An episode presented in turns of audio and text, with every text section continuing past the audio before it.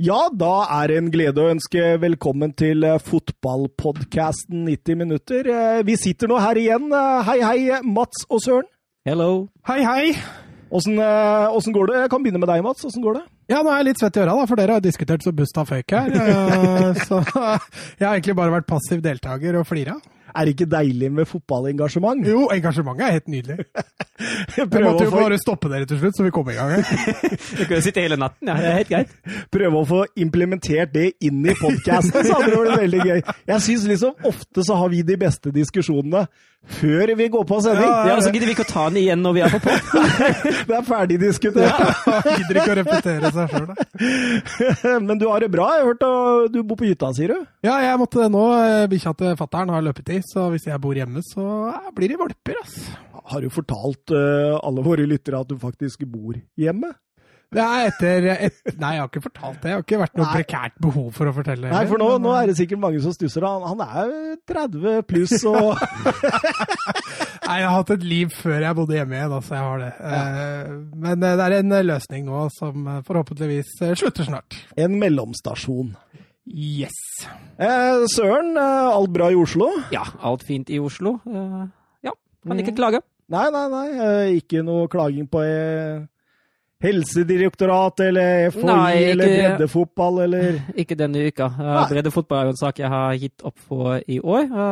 og ellers er det jo Som det er Lillestrøm i karantene, Wolfsburg vant sin kamp, så er det egentlig greit nok. Kongsvinger, da? Ja, jeg, var, jeg var jo og så Kongsvinger Ja, du var på Hjemslund, ja. Ja, jeg var du er egentlig i karantene, du òg. Hadde hele stadion covid? Har ikke Kongsvinger vært ute og tulla igjen, da? Driver Jo, og jo, de har jo- litt mens de hadde Ja, og- karantene og sendt flere lag i karantene? Ja, det var jo en som hadde symptomer som ikke ble testa før etter den uh, Stjørdals Blink-kampen. Ja. Og det var jo, og det slår jo høye bølger helt med rette. Det er jo helt uansvarlig å gjøre det der. Sørget for at de spilte kamp mot Blink, men nå testa en spiller som faktisk ble brukt i den Blink-kampen positivt òg, og da må jo Blink i karantene, de òg. Nice. Den Obos-ligaen er ikke ferdig før i februar, tror jeg. Det blir sånn Holmenkollen femmila og Obos samtidig. Det, det er deilig. Um, rett før vi gikk på her nå, så har Geir Halvor Kleiva kommet med et spørsmål. Hvor mange Champions League-kamper klarer vi å se direkte hver uke? Det blir jo to. Altså, det er jo, vi spiller jo inn den podkasten her på tirsdager, så det blir jo litt vanskelig med tirsdagskampen. Og så går det jo en runde med onsdag klokka sju, og hvis det er en kamp som jeg rekker og syns er spennende, ser jeg gjerne den, og så ser jeg en kamp onsdag klokka ni. Så det blir ja, én til to. Men tirsdagen ødelegger litt. Jeg gjør det. Jeg ser jo på én kamp på tirsdag nå, for du går og ser én kamp i opptak. Ja. Eh, Men du ser den jo ikke live, selvfølgelig. Onsdagen kommer litt an på de kampene som begynner sju. Er ikke alltid har like stor eh, underholdningsverdi. Nei, ikke sant. Sånn eh, Dynamo Kiev mot Basel er ikke, det er ikke like interessant. Du skal være interessert for at du setter deg ned og ser på den klokka sju. Ja, midt i beste sendetid på alt annet. Så, men, men eh, er det en god kamp, så, så kan det hende jeg ser den klokka sju òg. Ja, ja. Men klokka ni er det ikke noe problem å finne en kamp å se, i hvert fall. Absolutt ikke. Absolutt ikke. Du, eh, jeg, jeg har en litt sånn morsom greie her. For husker jeg fortalte Går det bra eh, med deg, forresten? Det er så få sjelden vi spør deg om det. Ja, det er det. Eh, Men, men det, jeg krever ikke at dere spør heller, for det, det, går i det. Ja, du er jo sikker du blei så lett hissa opp her i stad, så jeg lurte på om det var uh... Hva, hva tenker du på på diskusjonen? Ja, ja, det gjaldt egentlig dere begge. Jeg tenkte det må jo være et eller annet underliggende her. Nei, nei, nei. nei, vi- nei. vi bare engasjerte. Engasjement, Mats. Engasjement. Ja, det er lov, det. Ah, du, du skal, skal være med i noen familieselskaper hos meg når du begynner å diskutere fotball. Altså, da, det er hvor for sitter- folk går. Og så har jeg sittet her en god del ganger der dere blir også veldig veldig engasjerte underveis. også, så... Eh, Så lenge man ikke er ufin, så Ja. lenge det er engasj engasjement, så syns jeg det er innafor. Ja, altså saklig. Ja. Det er kanskje det viktigste. Ja, absolutt. Jeg satt ikke sånn 'Søren er en dust', Søren. Da har du tapt diskusjonen. du tapt. Nei, det var jo en, jeg syns det var en veldig saklig Ja, diskusjon. ja, det var morsomt. Og, og, og, og når jeg går inn i en sånn fotballdiskusjon, så, så er jeg jo åpen for at jeg har lyst til å, å lære litt av nå, ikke sant? Og og jeg- ja, jo, jeg ser jo eh, det andre synet, men jeg er ikke enig. Det er vanskelig å overbevise deg, det har jeg i hvert fall lært. Har du bestemt deg, så er det sånn. Gi meg aldri! Nei. Eh, Det er derfor mottoet mitt går også under eh, Er du ikke sikker, vær skråsikker. Og du har alltid egentlig rett. Ja Det er mottoet hans, faktisk. Jeg har egentlig rett! Til syvende og sist. Til syvende og sist. Jo, men som jeg fortalte dere, var vel i forrige uke, så har vår distributør av podcaster de har jo åpnet for muligheten å starte flere podcaster. Husker jeg snakka med dere om det? Ja. Ja, ja. Så jeg tenkte jo da at eh, siden vi sitter her og gnåler fotball i to timer pluss hver uke, så eh, hvis vi skulle starta andre podcaster, så kunne vi ikke snakka fotball. Men da har jeg noen tips til podcaster vi kunne starta. Forslag. Ja, ja. Nå er jeg spent. Ja, ehm, det første er podkasten Folk jeg hater. En podkast med Søren Døpker. Som inviterer oss som gjester, da, eller? Nei, ja, jeg inviterer som gjester, og så sitter han og prater om folk han hater Ja, sånn ja, ja. eh, hver uke. Han finner en ny en hver gang. Ja. Blir en kort podkast i deg. Hater ingen. Det hadde blitt korte sendinger, for han hater jo ingen. Ja, det, du, det er det han sier utad. Det, er mange som, det er mange som hadde fått kjørt seg der, jeg er enig i det. Mannen der er full av hat. um, og så har jeg også podkasten Lev livet korrekt av Søren Døpker. En guide på hvordan man går gjennom livet og gjør alt 100% riktig. Så den videoen jeg sendte deg på YouTube. Thomas André. Thomas André, ja, fin. Det er morsomt. Å, det er nydelig. Eh, ellers så har jeg Matematikkpodden eh, med, med regnergeniet Mats Granvold. Har du noen kommentar til Nei, den? det, altså, det er fortsatt, jeg blir rød faktisk når vi prater om det. Så flaut var det der. Jeg har eh, Breddepodden. Den var litt mer seriøs, med Mats Søren og Espen Olsen. Fordi hver gang eh, vi har Espen her, så blir det veldig mye breddeprat. Ja, Ja, og spesielt lokalt her. Fra, ja, ja, og jeg sitter jo og skjønner ingenting. Ja, den kunne jeg lett vært med på. Så. Ja, bredde, ja, det har jeg faktisk tenkt litt på. Den breddepodkasten, den, eh, den eh, Jeg veit det fins en der ute, med Espen Bråten. ikke? Men det blir i hvert fall ikke med meg. Eh, og så den siste, da, det kan være en slager for deg, Mats. Du eh, ville vel garantert vært lytter av den. Eh, Dialektpodden med Thomas Edvardsen. Ja, det hadde vært humor. Du, har, du noe, har du noe på lager nå, eller? Fra f.eks. Sørlandet? Ja, jeg, jeg heter Torstein. Ja, helt nydelig. Helt nydelig. Det var Nei, du er en Det var svensk. Ja, så var han veldig lys, da, han Torstein. Ja, han blir veldig lys veldig ofte. Har dere forslag til noe andre, eller? Egentlig hadde jeg rett på den. Eh, Ja, den ja. definitivt. Du kan gå Thomas forteller om de gangene han tok Ja. feil, men hvor han egentlig hadde rett. Eller sånn konspirasjonspodkast. Det, det fins vel kanskje Det finnes, allerede? jeg. Ja, ja. Eh, For der kan du jo alltid påstå at du egentlig har rett. Ja, kan det. Alt er konspirasjoner uansett, søren. um, skal vi bare gå over på de der fryktelige spørsmåla? Det kan vi gjøre. Eh, Da må jeg bare finne fram i Dette blir litt spennende, Mats, fordi du snakka jo om at du har vært litt innovativ igjen. Ja, vi kommer dit. Vi Ja. kommer dit. Vi kommer dit. Men vi kan begynne med den såkalte 50-50, eller eh, åpningsrunden, eller oppvarmingsrunden, eller spørsmål 1 om du vil. Eh, og temaet her er CL-finalen 2012. Å, synd du ikke tok 2010, der, for den så jeg gjennom i dag. Å ja. ja, det var bra jeg ikke tok den, da, for da Det husker jeg ingenting av. Kjempefint. Kan du si hvilke lag som var eh, Ja, du får eh, svarene etter hvert her. Eh, Thomas, vi kan begynne med deg. Hvilket lag var det Bayern München slo ut i semifinalen? Var det Tar du den før alternativene, forresten? Nei, jeg gjør ikke det. Var det Real Madrid, eller var det Inter? 2012 Real Madrid. Det er riktig, Thomas. Ett poeng. Søren, hvilket lag var det Chelsea? Barcelona. Det er riktig, Søren. Den husker vi. Mm. Den husker vi. Jeg prøvde å lure inn et Liverpool som alternativ der, for det var ikke lenge før hvor de hadde møtt hverandre.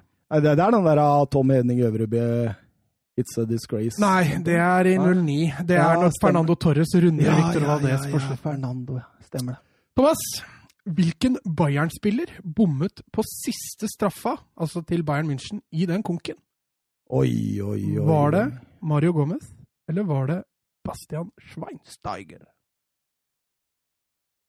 Den, eh, den husker jeg faktisk ikke, altså. Så da blir det gambling, og da sa, sier vi Schweinsteiger. Å, det var god gambling. Det er helt riktig. Da er det 2-1 til eh, Thomas eh, Søren. Hvilken Chelsea-spiller bommet? Var, var det ingen? Eller var det Mata? Bayern bomma på to. Ingen Mata. Mm. Og jeg tror Chelsea bomma på ingen, ja. Det er feil. Juan Mata bommet. Jeg lurte deg! Deilig, ass! Den gikk hjem. Den tenkte han på nå, altså. Et lurespørsmål. Da har du muligheten til å avgjøre, da, Thomas. Hvem var treneren til Bayern på dette tidspunktet? Var det Jupp Hankis, eller var det Louis van Gaal? Louis van Gaal han hadde i hvert fall Bayern München i finalen i 2010, for den så jeg i dag, som sagt. Men når han tredde av der, det er jeg litt usikker på. altså. Jeg satser på Heinkes, jeg. Det er helt riktig, Thomas. Da er poenget i boks, eh, Søren. Mm. Hvem var Chelsea sin trener? Di Matteo. Det er helt riktig. Da ble det 3-2 til Thomas. Du stakk av. Og da kommer den innovative runden her. Jeg har latt meg inspirere litt av det spørreprogrammet på NRK med Knut Borge. Med Knut Borge. Med Knut Borge er og En legende. Trond-Viggo Torgersen i nyere tid, hvor dere rett og slett spør dere fram til, eh, til eh, et, eh, en fasit. Jeg har gjort det som følger at dere får fem spørsmål hver, sånn at ikke dere skal drøye ut dette. Etter dere har stilt et spørsmål, så kan dere tippe før turen da går over til neste. Og så får dere da annethvert tipp. Men hvis vi tipper nå for første gang eh, Vi får fortsatt tippe etter neste Ja, spørsmål. ja, ja, ok, dere så får, det- tippe, ja, dere får fem, fem tipp. Så det koster ingenting å tippe, Nei, basically? nei, nei, nei. Det gjør det ikke. Og da er det, da er det som følger. Dere får fem spørsmål hver. Siden, uh, siden Søren tapte den første runden, så skal du få lov til å begynne. Uh, jeg dropper noe hint nå først, så dere skal få litt kjøtt på beinet. Spilleren vi skal fram til, er en han. Eh, han, er, han har lagt opp, men han er ikke død. Og han er europeer. Søren Døpker, du kan fyre. Er dette en forsvarsspiller? Nei. Oi, søren. Skal du tippe, eller? uh, jeg tipper Ashley Cole, jeg. Og så sa jeg nei på forsvarsspiller, og så tipper du Ashley Cole. Nei, sa, sorry. Ja, greit. At det, at det er Wood, Wood, Wood, Woodburn? Ja, Ja, men, vi er der hjemme på det nivået fint. Thomas? Um, er han eh, Er han eh, Spiller han i de, Spilte han i de fire uh, største ligaene som vi følger? Ja. OK. eh, er det Jørgen Klinsmann? Nei. Vant han et VM-gull? Nei. Uh, Gary Lineker? Thomas sitt andre? Er han uh, britisk? Nei. OK, OK. Uh, Christian Vieri? Jeg lurer på om jeg kanskje burde droppa litt flere hint her. Ja, Ja, det men det var jo det. da Han har lagt opp, eh, men han er ikke død. Uh, er han søreuropeer? Oi, Han har igjen et tipp hvis han vil tippe. Ja. Francesco Totti? Det er feil. Mm, spilte han mesteparten av tida si i La Liga? Ja.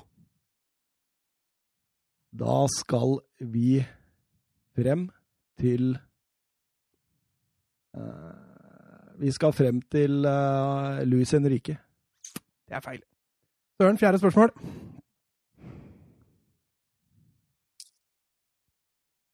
Var han spiss? Ja.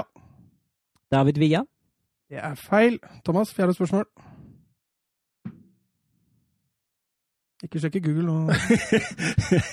Hold deg unna Google. Hold deg unna Google. Um, uh, fikk han uh, over eh, 50 landskamper for uh, Spania? Ja. Oi, oi, oi. Så har du tatt Torres, og du Tok du Torres? Ja. Nei. Ah, Fernando Torres. Det er feil. Spilte han for Schalke? Ja. Er det Raúl? Yes! Ja, Og fem, den var fin! femte spørsmål. Det er nice. Søren Døpker. Da holdt det akkurat. Så da står det 1-1 etter to spørsmål. Da er oppvarminga ferdig, kan vi si nå. Spørsmål nummer tre. Fra hvilken by kommer Levante? Søren Valencia? Det er riktig. Du kunne det, regner jeg med? Ja, ja, ja. Da er det 2-1, og da går vi over til spørsmål fire, som er en storytell. Jeg forteller en historie. Dere avbryter meg når dere føler for det. Jeg er født 26.9.1976 i Görlitz, og er det eneste barnet til Stefan og Karin. Den lille familien flyttet til Chemnitz, den gang het byen Karl Markstadt, da vår mann bare var sju år, og det var her fotballkarrieren til vår mann begynte. Hans far hadde også vært profesjonell fotballspiller, men nådde aldri høyere enn andre Bundesliga. Vår mann gikk gradene i Chemnitz og fikk sin A-lagsdebut 4.8.1995, en kamp som dessverre endte med 2-1-tap mot VFB Leipzig. Den sesongen endte med at vår mann fikk 15 kamper, og Chemnitz rykket ned fra andre Bundesliga. Men han hadde allikevel gjort seg bemerket da han hadde fått kallenavnet Little Kaiser, i referanse til Der Kaiser, altså Frans Beckenbauer. En grei sammenligning for da 19-åringen. Den påfølgende sesongen spilte vår mann samtlige kamper for Chemnitz, og skåret ti mål fra midtbaneposisjon.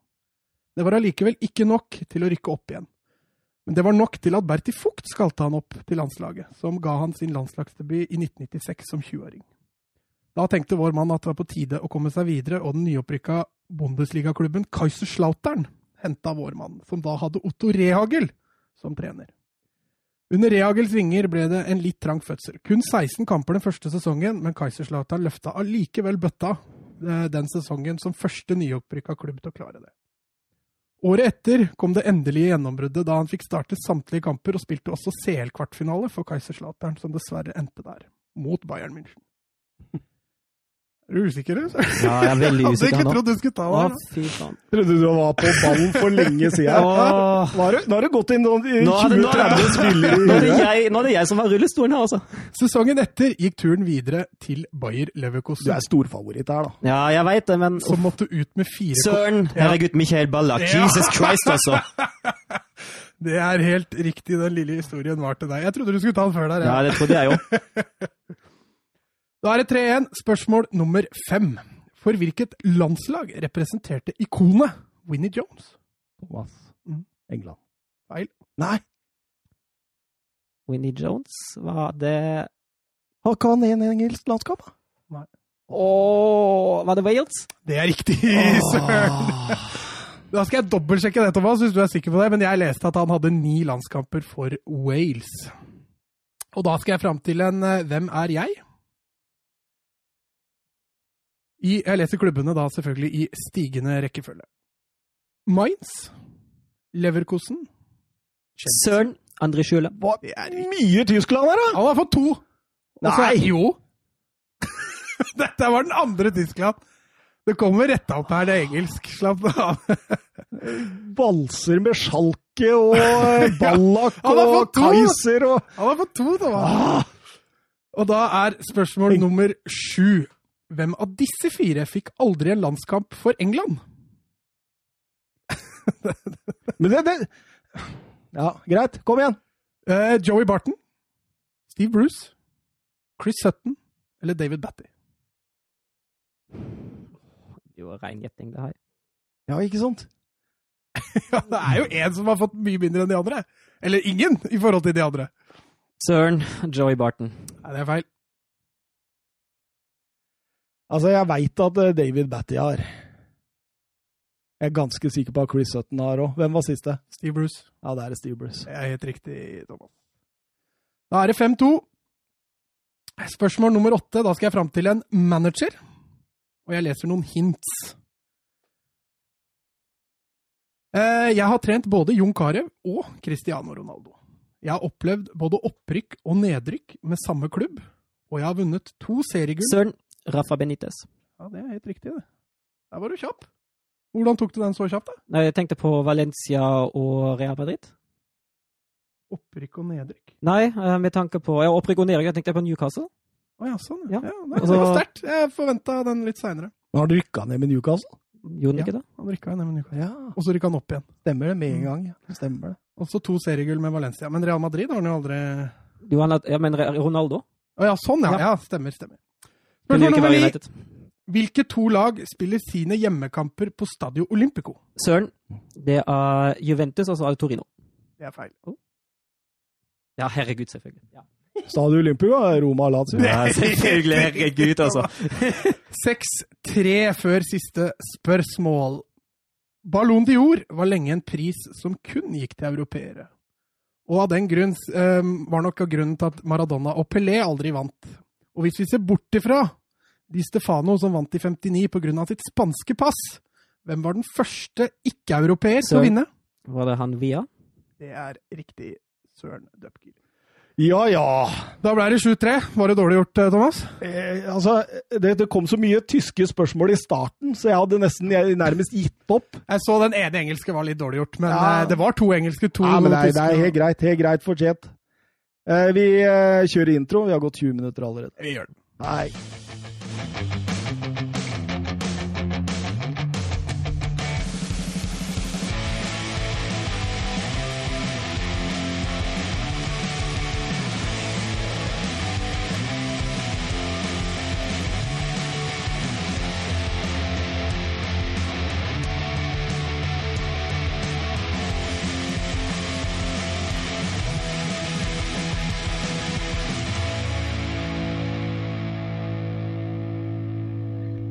Ja da, da, da var vi tilbake. Søren vant eh, ti spørsmål, og Thomas stakk av med premien eh, tak takket være en snill Søren, så da, da, da vant alle. Ja. Hadde meget lyst på den premien, for jeg sliter med ladere hjemme, og så kommer du med en iPhone-lader. Det er midt i blinken nå. Ja, du fyra deg skikkelig opp før runden der, så det var, jeg, jeg Ja, følte men- litt med deg når du ikke vant. faktisk. Men, men jeg har jo den der greia med ti spørsmål at når jeg tar det med ro, så er jeg bedre enn når jeg fyrer meg opp. Ja. Fordi det går så treigt når jeg fyrer meg opp. Så ja, Nei, men eh, vi kjører eh, Vi må rett på Twitter, faktisk. Fordi vi hadde ikke tenkt å snakke om Aston Villa i dag, siden de eh, møtte Brighton. Men Sandra, vår faste lytter, hun kommer jo likevel med et spørsmål, da. Og vi er jo meget lojale mot våre faste lyttere, og svarer selvsagt på det. Hun skriver voldsomt med opp- og nedturer for Villa nå. Realistisk, hvor tipper dere Villa etter denne sesongåpningen de har hatt? En tabellplassering. Ja. Tenker, jeg, da, da, da må vi sikte Vi kan ikke si ni, men vi må, vi må sikte på en sånn Ja, det blir jo mitt sjikte, da. Eh, fordi Villa, det, det de leverer av resultater i år, er jo så sprikende at de, de går hen og slår de beste, og så går de hen og taper mot de dårligste, så å si. Så hvis vi skal tippe et sted mellom 10 og 13, da. Kanskje også 9. Ja, jeg var villig til å tippe 8 til 13, men uh, 8, 8 hvis alt går virkelig bra, uh, 13 hvis det ikke blir så bra. De, de ligger på sjuendeplass nå, har tre tap og fem seire, null uavgjort, 15 poeng. Uh, Hadde vært topp fire hvis de slo Brighton i helga, faktisk.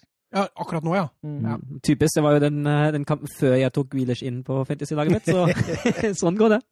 Det er du som ødela Grealish. uh, 100% Jeg tror faktisk det var eh, Ross Barkley som ødela Grealish. Fordi eh, nå Når Barkley spilte i spann med Grealish, så blei det liksom to sånne eh, litt kreative typer å passe på, Mm. som uh, åpna litt rom for Grealish. Um, syns han sleit litt mer med rommet nå, eh, når eh, Barkley ikke var der. Så får håpe for Villa sin del at de ikke er veldig lenge ute med Barkley, eller så, ja. Men eh, jeg tipper dem eh, Jeg skrev mellom 10 og 12, jeg da, og var litt mer spesifikk. Mm. Mm. Jeg tror eh, og, og det må jo Villa være fornøyd med, for det er jo litt kjempehopp. Ja, vi, vi tipper den ved på var det 17 eller noe sånt? Ja, vi, vi, vi eh, Rett over streken, ser jeg der, ja. Men uh, det var jo rett over streken uh, forrige sesong òg. Det var vel en eh, Eller en Eagle Eye-tabbe. Ja, Nei, Skulle det bli midt på tabellenplassering, så må jo det sies å være et kjempe, kjempehopp. Selv om man kanskje sitter og er litt skuffa når man ser hvilke lag man faktisk taper mot i år. Ja, det er klart det. Når du knuser eh, Liverpool og Arsenal, men taper mot eh, Brighton, det, det, det, er, det er ikke noe hyggelig, det. Nei. Eh, Vi eh, går over til eh, Newcastle-Chelsea, et Newcastle-lag som kom til kampen med en svært defensiv tilnærming. Ja, det var jo en dypplassert uh, 5-4-1. Ja, Det, det er det verste jeg har sett, faktisk, noen gang. Altså, Snakk om å over, bare overlate initiativet, i hvert fall. Altså, her var Det det var, det var taktikktavla før kamp at vi skal helst ikke ha ball. Men, men, men det sjuke er jo hva de gjør med ballen nå. Fordi altså, det er ingenting i lengderetning. Altså, du kan, du kan si lag som ligger dypt, skal prøve å komme seg raskt opp og, og angripe åpne rom. Men her så er det jo støtte på støtte på støtte, helt tilbake til keeper hver eneste gang de får ballen. Ja, og så blir en slått bort i egen halvdel i tillegg. De taper jo, kommer, de kommer seg jo, altså de første tre minuttene er de litt i Chelseas halvdel, og så kommer de seg nesten ikke opp igjen. Så skulle man tenke, da, når eh, Fernandez eh, skårer, dette selvmålet, at uh, da bør de i hvert fall komme opp, men det er jo ingen reaksjon. Nei, og det virker som, virker som de hadde bestemt seg for å spille sånn omgangen ut uansett. Om vi ligger under 2-0, 3-0 spiller ikke rolle. For det, jeg syns det her var fryktelig flatt. Det var Det er som du sier, når de vinner ball, så er det Altså, de ønsker å ha korte pasninger når de går framover. Og det ser du når fort de er rettvendt når de vinner ball. Så ender det opp med at nei, vi har ingen alternativer, så vi må snu oss og spille hjem. Og det fikser de ikke i det hele tatt. Chelsea er også ganske gode i gjenvinninga, så det skal sies. De setter presset tidlig.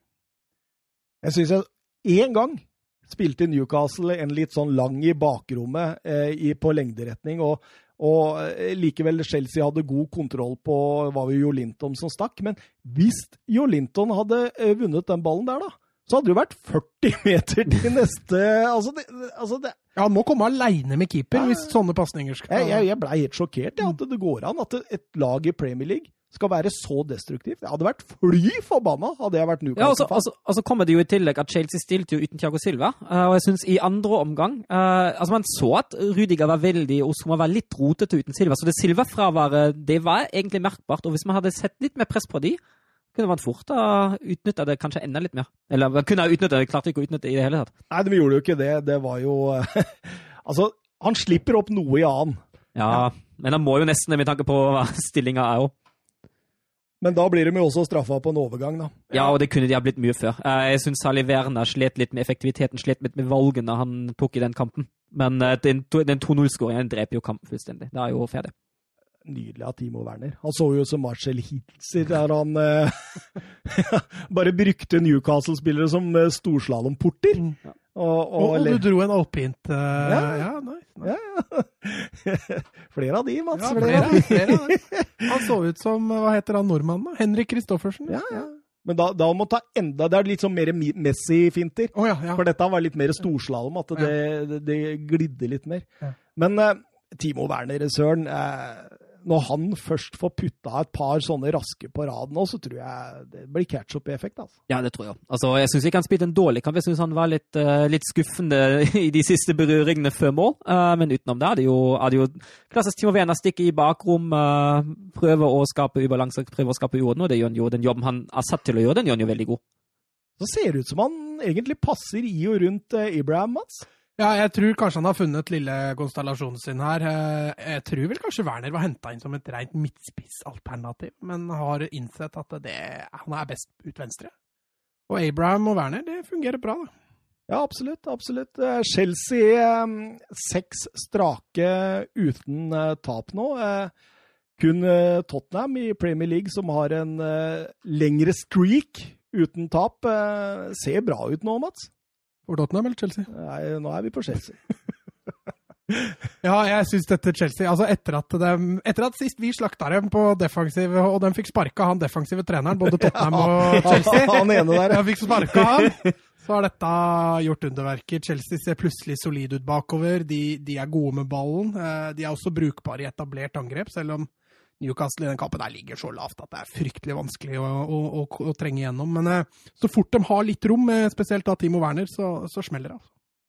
Både Tottenham og Chelsea, etter de sparka denne treneren du snakka om i episode var det 80-81 eller noe sånt, så, så, har jo begge bare murt igjen bakover. ja, Nei, det hjalp å få ut han. Det hjalp å få ut han.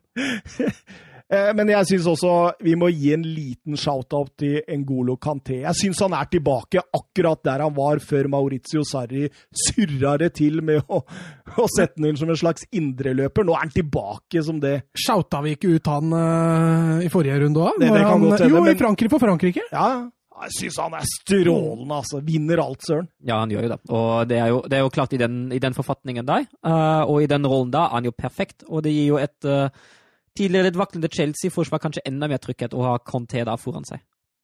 Sånn, snart kan vi bruke denne Jorda er 70 eh, vann. Nei, det er, lur, det, er lur, det er lurespørsmål, for det er Kanté som er 70% av jorda. Altså. ja, det, det er det, ja. Det er det det er. Det det er. ja okay, okay, ok. Hvor mye av jorda er dekket av Kanté? Eh, Tottenham, Manchester City. eh, Det var et eh, oppgjør mellom José Mourinho og Pep Guardiola. De eh, er jo eh, ja, gamle fiender, kan vi kalle det det? Ja, det, altså gamle fiender. de er jo gamle venner òg. De jobba jo sammen under Barcelona når Guardiola var spiller og Mourinho var eh, assistent og tolk for, eh, for Brian Robson. Um, og så blei det jo et litt eh, hva skal vi si, isfront når de blei for Barca og Real Madrid. Men jeg har ikke sett noe særlig til det i Premier League, egentlig. Ikke, det, ikke sånn det var da, i, når Mourinho tok over Real Madrid. Og Guardiola var jo ute før sesongen også og hylla Mourinho og sa at Tottenham kan bli en eh, tittelkandidat med Mourinho bak eh, spakene. Så det Ja, det er ikke City, det er ikke City i hvert fall. Det er ikke medaljekandidat engang. så- du, du er såpass ute og Ja, Nei, altså, dette er- snur. Dette ja, men, snur. Altså, nå har de surra bort mye poeng, altså. Ja. Og det i et år hvor alle surrer. Så har City surra mye mer enn alle andre. Så det her, altså, United ligger foran dem, Thomas.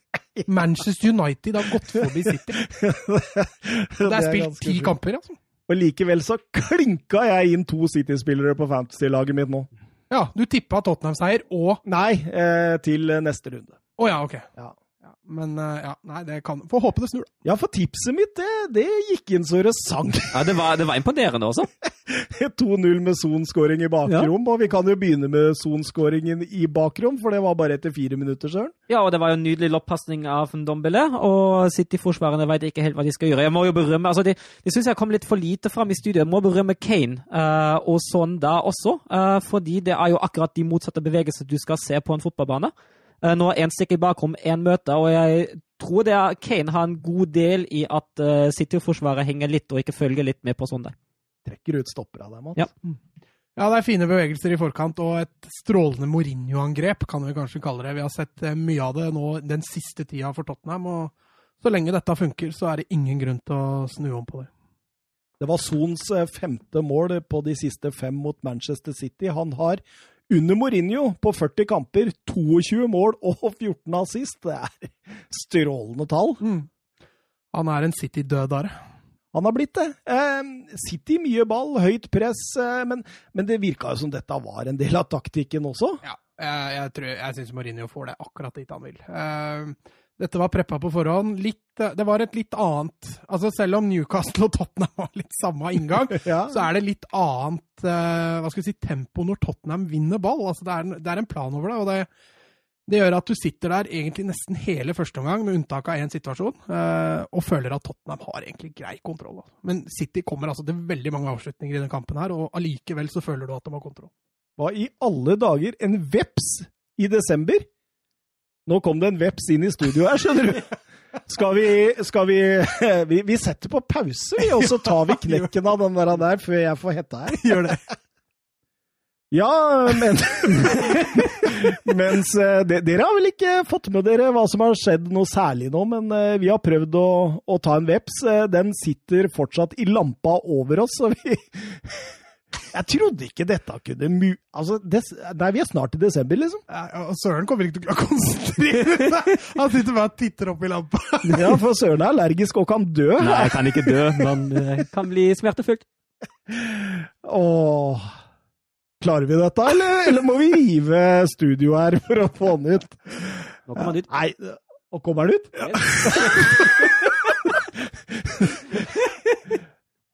Nei, gjør den det, Søren? Jo, jo, Jeg kan kveke den. Og dette har jeg aldri vært med på i eh, studio noen gang. Men her eh, Skal jeg holde det i gang, eller skal jeg stoppe igjen?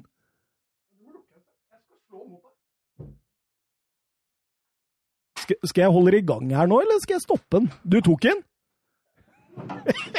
tok du på pannelovnen? Mats eh, The Savior, vi har holdt det gående her. Så, så får dere bare beklage, men det var litt dramatisk. Søren løp ut på gangen her. Jeg visste ikke du var allergisk. Jo, jeg Nå, jeg har ikke hatt det problemet før, faktisk. Så. Jeg satt med 112 på speed dial. Eller er det nei, det er, 112? ikke, altså, sagt, det, er ikke, det er ikke så ille, men jeg, jeg reagerer litt på alle slag insektstikk. Så ja. Ja, Moving on!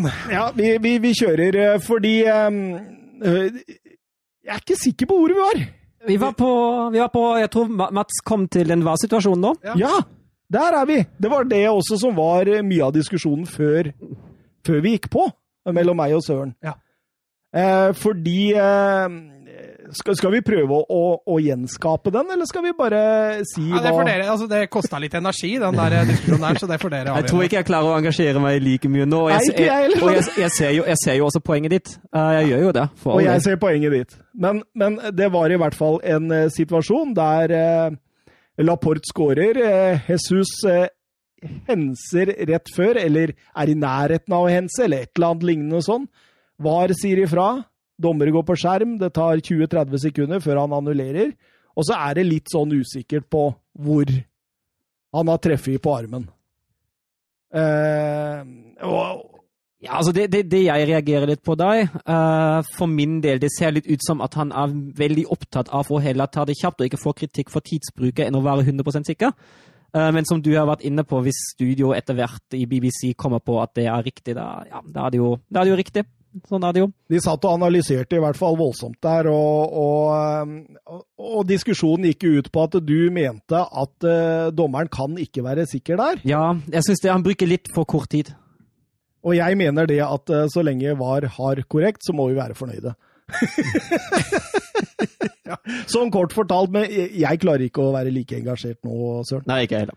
Er, den er liksom ferdig diskutert. Ja, Men eh, man går jo til eh, pause med 1-0, og, og det passer jo Mourinho strålende, Mats.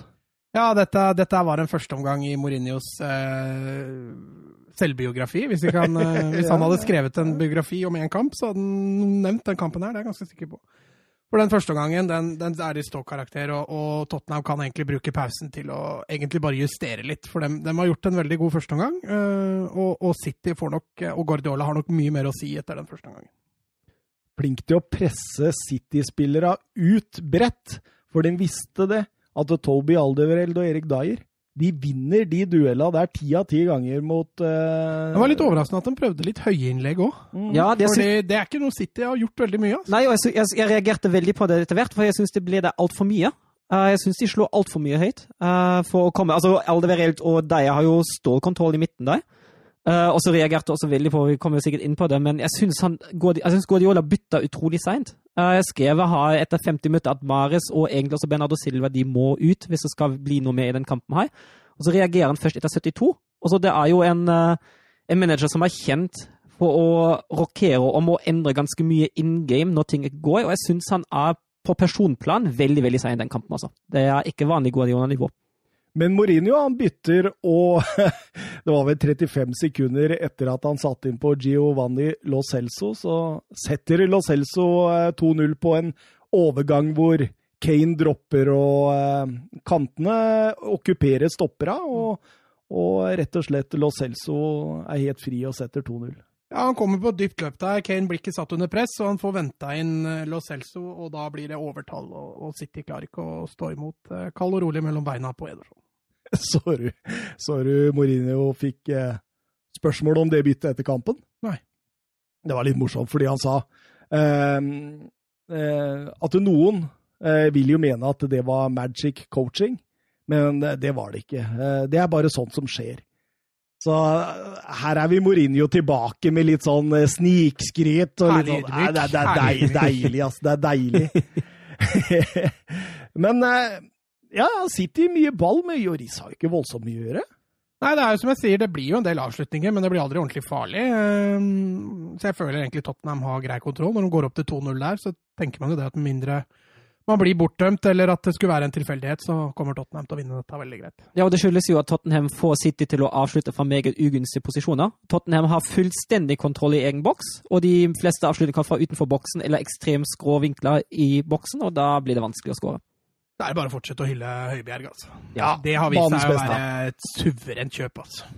Eh, kanskje banens beste, eller? 100% banens beste, Ja, i den kampen her så, så er han jo bindeleddet mellom forsvaret og midtbanen for, eh, for Tottenham. Er også god med ball, altså. Det er liksom Mourinhos ansikt utad, liksom. Det er på en måte en sånn Mourinho-spiller som du liksom bare Og så ser du hvordan han liksom tar ballen når det blir dømt imot, bare for å irritere motspillere. Sånn. Det er, det er Mourinho sitter jo og gnir seg i hendene når han setter i gang.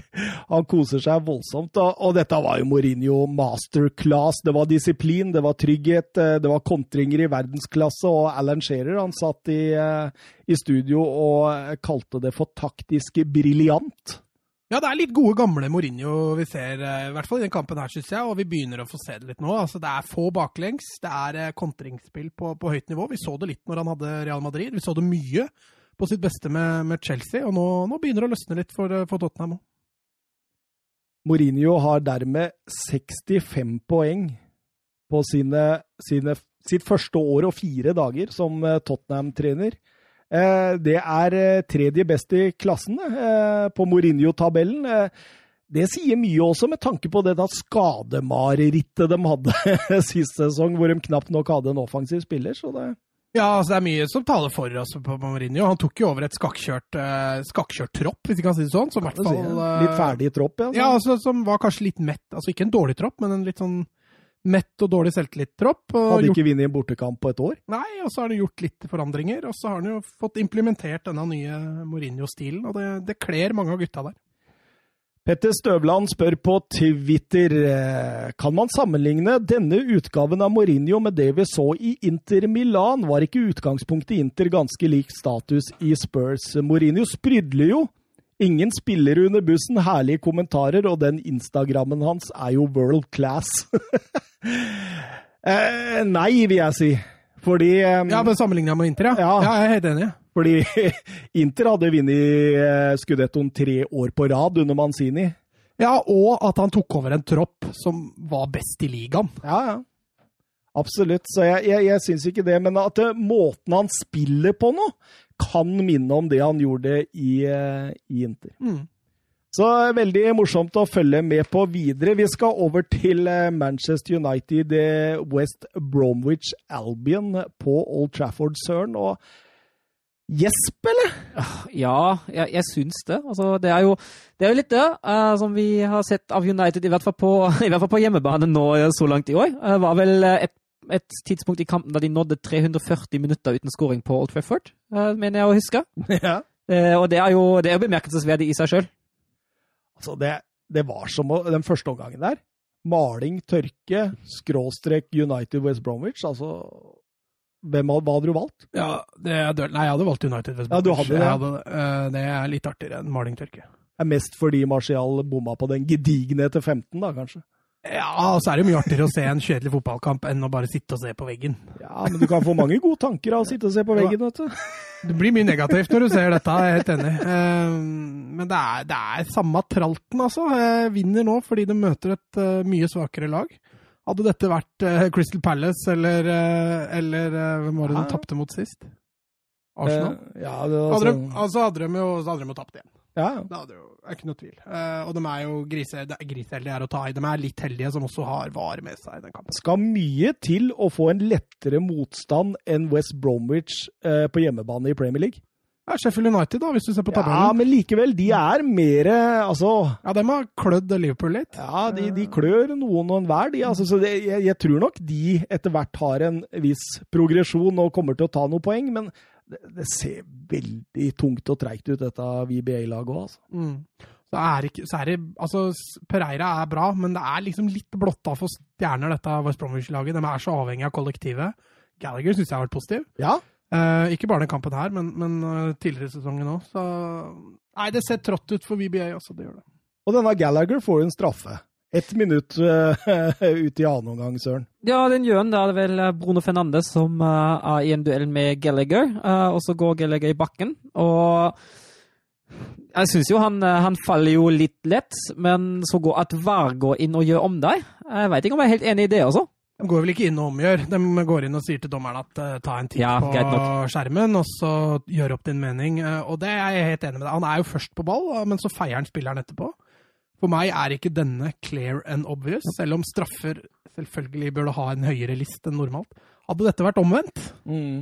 så mistenker jeg, uten å være ut, uten å conspiracy theory, så mistenker jeg at den kan fort ha stått. Ja, selvfølgelig hadde den stått. Hadde dette vært Manchester United, så hadde de hadde fått to straffer på den der.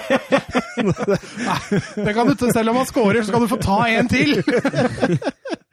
Ja, for å ta en til, det fikk de jo ta rett etterpå, Manchester United, eh, når dommeren da hadde sagt at det er ikke straffespark til Gallagher, så, så er det jo nesten sånn, altså det er noen minutter, men det er nesten sånn at Manchester United går rett opp, Mata innlegg, og, og det blir en hens på furlong, er det vel?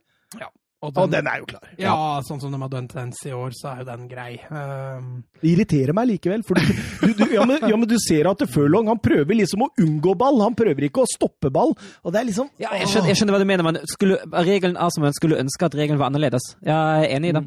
Ja, ja, absolutt. Men, uh, men det blir noe straffespark, og Bruno Fernandes han eh, bommer. eh, Johnson hadde vel en eh, generelt sterk kamp, syns jeg. Og så tar han jo den Ja, sterk òg, men det, der, er, Der. der er han fryktelig langt ute fra streken. Ja, jo det, det er helt riktig. Dommeren kan umulig gjøre noe annet enn å la han ta den på nytt. jeg synes det er helt riktig. Og jeg reagerer på intervjuet han eh, har etter kampen òg, for han sier det at eh, han syns det er så mye vanskeligere å slenge seg rett sidelengs.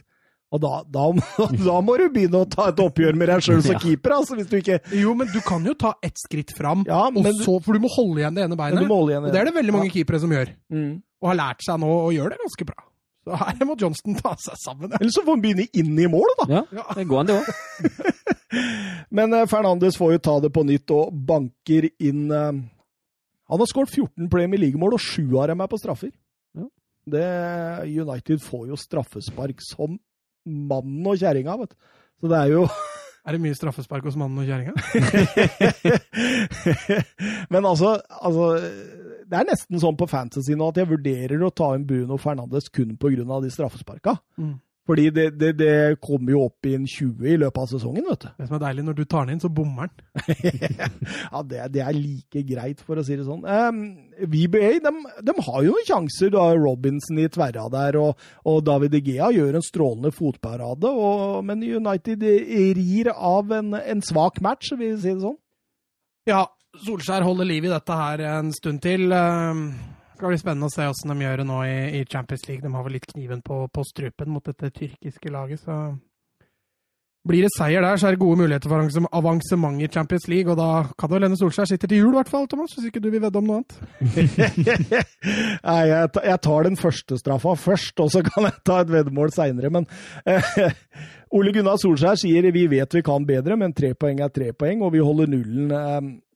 Eh, det er også merkedag, for eh, Martial eh, løsna sesongens første skudd på mål i Premier League. Det tok nesten fem timer.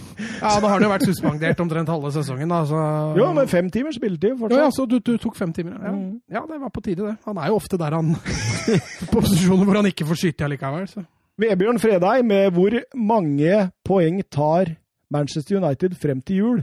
Thomas kan gjerne svare. Så da, da tok jeg meg den friheten, jeg. Eh, ser litt på Uniteds program frem til jul. Og det møter jo Istanbul i eh, kveld. Ja, men det er ikke Eh, poeng. Nei, det er Det- ikke poeng, men, men jeg vil bare ha det inn i, i regnestykket. Ja. Eh, Så har de eh, Southampton borte eh, til helgen. Eh, Det kommer jo til å bli en kokosmatch. To lag som eh, altså, er det, til å det er sånn typisk at han drar i land en trepoeng der òg, da. Ja, du mener det? Solskjær, ja. Ja, jeg setter en klink null, jeg. Og klink null på Southampton. Ja, ja, ja. Jeg tror eh, United Det kommer litt an på. Slår de Basakshir, så taper de mot Southampton. Taper de mot Basakshir, så slår de Southampton. Ja, og det er det jeg sier her. At jeg tror de har ganske god kontroll på Basakshir i kveld. Og så taper de mot eh, Southampton borte. Så har de PSG hjemme. De tar ett eller tre poeng der, tror jeg, sånn at de safer gruppa. Og så møter de Westham borte, og der er det Moyes vet du, med, med revansjelyst. Som kommer til Altså, Westham er ikke lett for tida, søren. Nei, det er ikke det. Han har funnet seg litt. Så det blir null poeng der òg. Så går de eh, til Red Bull Leipzig. Eh, Der tar de null poeng, men jeg tror de er videre da. Ja, men jeg tror, de kan få litt så hatten passer òg, faktisk. Ja, det, jeg, men, Gjerne jeg, jeg, tape litt sånn to-tre ja, men jeg tror han kommer med litt sånn reservelag der, hvis det her Jo, men å vinne gruppa er vel så viktig, da. Ja, men faen, har du sett kampprogrammet, eller? Ja, altså Vinner de i dag mot Başakşehir, eller i morgen, og så slår de PSG etterpå, så er de i vinnergruppa uansett, da. Vi, vi, vi kan satse på noe sånt. Men så, så møter de Sheffield United borte. Og hvis eh, Chris Wilder har stramma inn her, så kan det fort bli kun ett poeng. Men, eh, men eh, Jeg gleder meg til å høre opptellinga her nå når vi er på julaften. altså. Nei, men jeg, jeg tror de tar alle tre der, as we speak. Så tror jeg det. Så fordi Sheffield United vinner jo ikke mot noen. Eh, og så er det Leeds hjemme rett før eh, julaften. Eh, Det lukter jo uavgjort lang Ja. vei, egentlig. Det gjør det. Eh, så da, har de, eh, da går de videre fra gruppa, og så får de mellom to og fire poeng. og, og, og det burde vel egentlig, altså sånn jeg kjenner eh, lytter Fredheim, så må han være fornøyd med det. Ja. Ja. Men de er videre i Champions League, da. Ja, ja. Tross alt. Tross alt. Så kommer jeg hjem i kveld, og så ser jeg de har tapt mot Istanbul Başakşehir. Da, da, da flirer jeg. Leeds Arsenal. Um, Søren? Ja, altså det, det, det er så trist å se Arsenal om dagen, altså. Eh, Nei, nei, nei! nei. Jeg har ståltro på Ariteta. Ariteta snur dette. Vent. Altså, hvis, hvis, man, hvis man ser det her, eh, hvis man ser beveges foran ballfører, hvor defensivt det er at Jeg syns Arsenal er fryktelig dårlig i begge overgangsfaser, både på offensiv og defensiv, og det etablerte spillet er jo eh, fryktelig, fryktelig svakt. Og etter hvert tar jo Leeds fullstendig over den kampen der. Ja, Vi må nesten se litt uh, delt på det da, fram til PP blir utvist, og etter PP blir utvist. For etter PP blir utvist, så er det jo én ting som står i huet på Arsenal, Jo, jo, og men, det er å holde nullen. men nå tenkte jeg på første omgang. Jo, jeg er helt enig. Det var kraftig kjørt, altså. Hæ? De blir kraftig kjørt. Jo, men de har en del mellomrom de prøver å utnytte òg. Ja. PP får mye blir, Altså, det, det skjer jo ingenting. Jeg veit det! Det er vanskelig for meg å argumentere! Det skjer så fryktelig lite! Pro Arteta her, kom igjen Mats. Jeg prøver å se de få lysglimta som er der. Men, men, men det jeg la merke til, er at 0-3 mot Villa har jo gitt en konsekvens. Altså Her har man jo bytta formasjon. 4-2-3-1. Man har kjørt Aubameyang på topp eh, for første gang på lang, lang tid. Og, og kjører William ut venstre og PP ut høyre, og Willoch inn eh, sentralt der. Altså, det ser ut som han leiter så etter denne Bruno Fernandes-typen. Som får gjennombruddet, ja. Ja, ja. Eh, og, og finner han ikke i det hele tatt. Og, Nei, men det er, jo, altså, det, det er jo ingen som løper rundt en eventuell Bruno Fernandes-type heller. Hvor skal han slå pasninga, selv hvis du finner han? Nei, det, du sier noe. Det, det ser veldig, veldig mørkt ut. Men, men hva tenker vi om det røde kortet til PP? Da fikk jeg litt, eh, litt sånne Marcial-vibber igjen. Eh, fordi det er klart at Alinowski, han overspiller. Han gjør det. Men det er jo et hodestøt, og det er skalling på spillet. Jeg syns det er helt greit at den går. Altså, Hvis Martial skal ha rødt, så skal i hvert Ja, fall PP ha rødt. Men uh, samtidig så ja, Det er liksom vond smak, da. Altså, det, er, det er billig, liksom. Er Forsøk på om slag og spark. det er ikke, ja, men det er jo verken slag eller spark. Det er et forsøk på Glasgow Kiss, men det er jo mer en slags Mandal, Mandal-nuss. Et Mandal-nuss! Det er det villeste jeg har hørt noen ganger. Men eh, PP er ute og, og ber om godt vær og, og unnskyld til alt som eh, er i Ja, nærheten av Arsenal etter kampen. Til syvende og sist så faller det jo på han. Altså, det er dust å gjøre det. Og Eh, Arteta sier det er ekstremt uakseptabelt. Ja, altså, det det, er, det er så dumt, fordi når du har sett disse andre røde korta som er rundt, og med VAR nå, så Det blir jo rødt kort. Det er så dumt å la seg provosere. Men at Arsenal går av her med nullen, Ja, det er det er ikke deres skyld. Nei, og altså, de prøver jo så godt de kan, som Mats var inne på. Her står jo til og med Aubameyang i en nå 4-4-1 står jo i egen tredjedel og prøver å mure, mure igjen den myra der. Uh, men altså, de, jeg syns Leeds er uheldige og litt udyktige i avslutningen. De treffer vel uh, tre ganger i tre verker òg. Ja, de gjør det. Og litt uflaks, litt udyktighet, så det sørger for at de ikke skårer til slutt. Både Bamford, Rodrigo og Rafinha hadde en i, i tverra eller i stolpen. Eh, Ja. Og denne Bernt Leno viser altså Selv om han holder nullen, så syns jeg han er litt shaky. altså. Jeg, Har én strålende redning. ja, ja, han har jo noen matchvinnerredning, men når du ser han Martinez i Villamålet, så tenker du at eh, Ja, at det Hva er det dere har tenkt godt. på her, Ja, altså? jeg er helt enig. helt enig. Vi må tilbake til 86-87, siden Arsenal skårte like lite mål på de første ni Premier League-kampene sine. Eh, Leeds hadde 24 avslutninger i løpet av matchen. Og eh, Patrice Evran satt med Jungberg i eh, Sky-studio og etterlyste Mesut Özil. Og det er jo denne Denne Bruno. Fernandesen eh, vi snakker Altså, hvor mye tror du det koster Arteta nå å ta Mesut Özil inn i varmen? Ja, det går i hvert fall på stoltheten. Det er det jo ingen tvil om. Eh, nei, jeg vet ikke. Vi får se. Nå valgte han å hente Party. Kanskje feil type midtbanespiller som det Arsenal trenger. Man trenger kanskje en annen type. Uh, vi får se. Ceballos også har jo litt det genet, da, hvis du kan dytte han opp. Men uh, han er jo tydeligvis ikke helt der heller, mener Arteta. Voldsomt varierende Ceballos. Uh, Han var så god på høsten i, Ja, ja. nei, på våren i fjor. Men Søren, tror du Øsil kan eh, børste av støvet av skoa og begynne å spille fotball for Arsenal igjen, eller tror du det er eh, lost case? Nei, jeg vet ikke, altså han, eh, han kom jo med sin uttalelse etter at han ikke ble med, at han var skuffa og misfornøyd og hele pakka men han, han sa jo det vanlige, da, at han elsker klubben og prøver alt for å gjøre oppmerksom på seg sjøl i treninga. Men han, man må jo tenke litt sjøl, altså hvis han nå blir spurt igjen om han skal spille Han har jo kontrakt som går ut i 2021, og som står av nå, er markedsverdien hans ikke særlig høy. Og hvis han, eh, hvis han skal, få, skal få en noenlunde brukbar kontrakt igjen eh, etter Arsenal-karrieren er over, da må han jo nesten prestere litt. Og jeg tenker at hvis, altså, jeg tenker hvis Ateta vil bruke den, uh, da kommer han til å spille. Uh, om det bare er for egen interesse og ny kontrakt et annet sted neste sommer. Han der krokodilla som flyr rundt der, vet du, han maskotten, han er jo under Øsil sin lønningsliste. Ja. Eh, Liverpool-Leicester, det var jo et Liverpool med tunge, tunge fravær, men de klarte likevel å stable opp et brukbart lag på beina. Jeg tenkte det når jeg så lagoppstillingen her, at her vinner Liverpool. Ja, Leicester hadde jo noe forfall, dem òg, da. Eh, Så det var ikke helt, helt uh, i vater, det Leicester-laget heller. Men uh, du har rett. altså Jeg syns Liverpool er klart best. Ja. Leicester har noe stikk innimellom, men uh, det svir ikke i det hele tatt for Liverpool.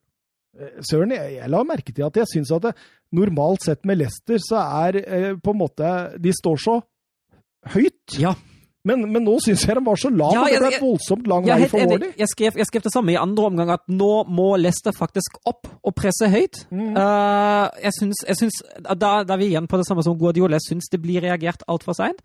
Uh, jeg syns den, den omstillingen til 4-2-3-1 den skulle kommet til pausen. Eh, det funket ikke med den, med den trebekslinja og de høye Liverpool-bekkene. De utnytta rommet bak de kantene da gang på gang på gang. Eh, jeg syns han burde ha presslinjen, eh, satt presslinjen høyere, men eh, jeg er helt enig. Han, jeg syns presset er altfor lavt. Jeg skjønner, kan skjønne det litt i inngangen med tanke på at er Liverpool borte mot Enfield. Borte på Enfield er greit, det, men Ja, men bør ikke dette være en, dette være en slags sånn Altså, nå kommer Liverpool med de ekstremt tunge fraværet. Er det ikke da enkelt å motivere spillere til at her, nå har vi faktisk en sjanse til å gruse dem, liksom? Nå har vi altså, Jo, jeg, jeg er enig i det. sjokkerer dem, men likevel så har det Altså, vi har så respekt for dere at vi bare legger oss, og så kontrer vi med én, maks to spillere, liksom.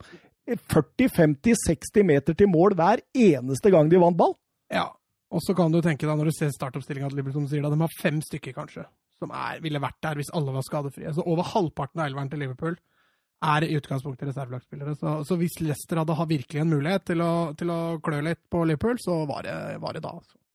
Fikk god hjelp av Johnny Evans, da. jo, det med fryktelig klønete. Altså, Altså. er jo, det er jo ikke veldig hardt press han har heller. Nei, nei. Nei, Det virker bare som Også- han blir så opptatt av Mané at han glemmer alt annet.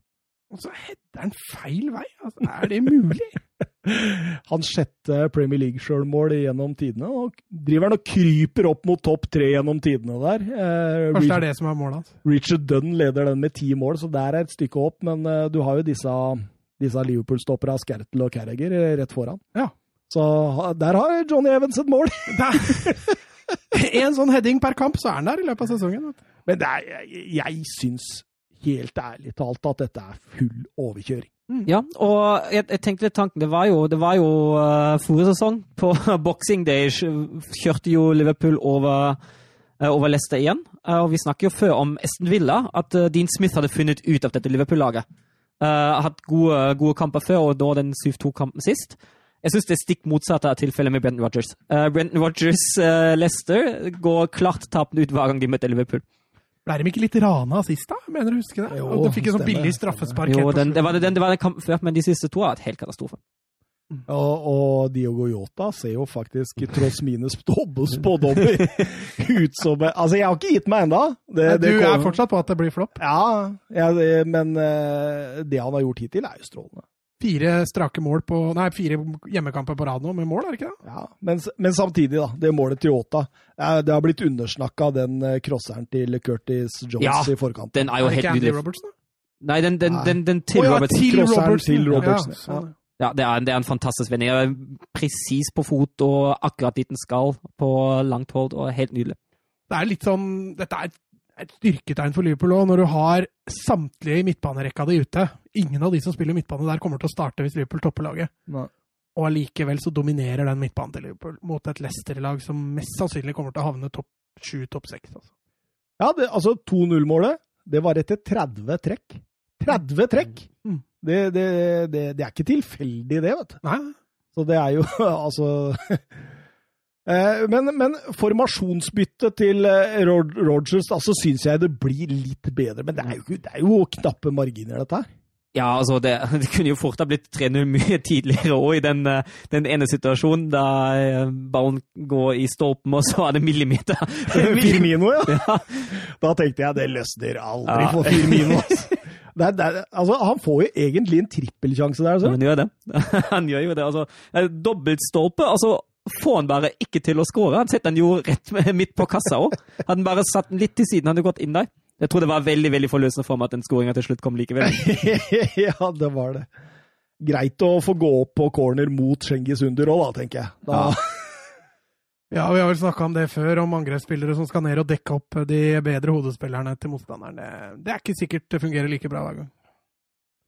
64 kamper eh, i Premier League på Anfield uten tap nå for eh, Liverpool. Du ser heller ingen ende, vet du. Altså, nå er van Dijk ute, Salah er ute, Thiago, Thiago Alcantara er ute, Jordan Henderson er ute, Joe Gomez er ute, Arnold er ute. Og allikevel så bare feier dem over Leicester. Ja, men eh, kritikk til Leicester der, altså. Ja. Eh, Selv om det kan godt ha tapt kampen uansett. til Liverpool, ingen ære bort fra Liverpool, men det Leicester leverte her, det var, det var tynn, tynn suppe. Ehm, så forresten at ehm, at ehm, vi fikk en Men du, du tok ikke med City United i spådommen din? Eh, Nå henger jeg ikke med. Du skulle jo tippe hvor mye poeng City United får. Nei, men eh, fram til jul, står det. Ja, Det tenkte jeg julaften, jeg. ja 12. i 12. spiller Manchester United mot Manchester City. Ja, men da er det null poeng, så det, det, det, Det har ikke noe å si! Hvis jeg ikke har fått med meg det, så har ikke det noe å si uansett. Det, det, Eh, Jeg prøver å finne et Twitter-spørsmål. Ja, det er fra Jonathan Hobber. Var det Liverpool som var så utrolig gode, eller var det Leicester som var så utrolig dårlige? Og hvor tenker dere Leicester til slutt ender opp på tabellen, Søren? Ja, det var begge deler, syns jeg. Jeg syns Liverpool gjør en veldig god kamp. Jeg syns Jesper gjør en veldig svak kamp, og da ender det som vi ser det her nå. Eh, jeg tror Leicester ender fortsatt opp cirka da vi tipper dem eh, syvende. Et sted mellom sjette og åttende. Eh, men heller, jeg heller mer mot sjette enn mot åttende til slutt. Ja, jeg eh, kan godt slenge meg delvis på den. Jeg syns Leicester bommer helt med kampinngangen til den kampen her og, og forberedelsene. Eh, Men jeg skal ikke ta fra Liverpool noen ting. Jeg, jeg syns de overraska positivt den kampen. her. Men hvis Leicester havner på sjette, hvem fem kommer opp foran? Gitt at Leicester havner på sjette, Ja. de må bli nummer seks, så må jeg da ta de andre. Ja, men Søren tippa sjette. Nei, jeg tipper sjette til åttende, men Ja. heller sjette enn åttende. Ja. Og da, da, da tar vi de fem laga som kommer Ja, garantert over. Liverpool og Tottenham er vel ganske safe. Chelsea. Chelsea, De tre er safe. Uh, City. City. City. Jeg tror City. Har du sett City spille siste Og, og Wolverhampton, da, eller?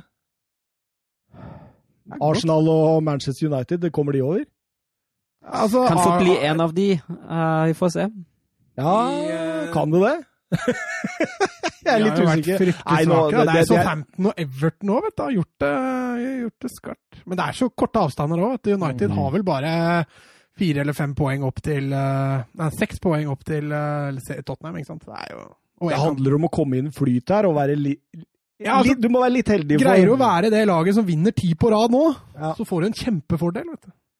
Og være litt heldig med skader. Det, det må du være. Altså, nå er Liverpool det, det Liverpool gjør nå, er, Det- det- det, er er litt stor- overraskende. Altså. stor idrett. De vinner Stor i Champions League, de vinner i Premier League, og de har tunge forfall. Altså.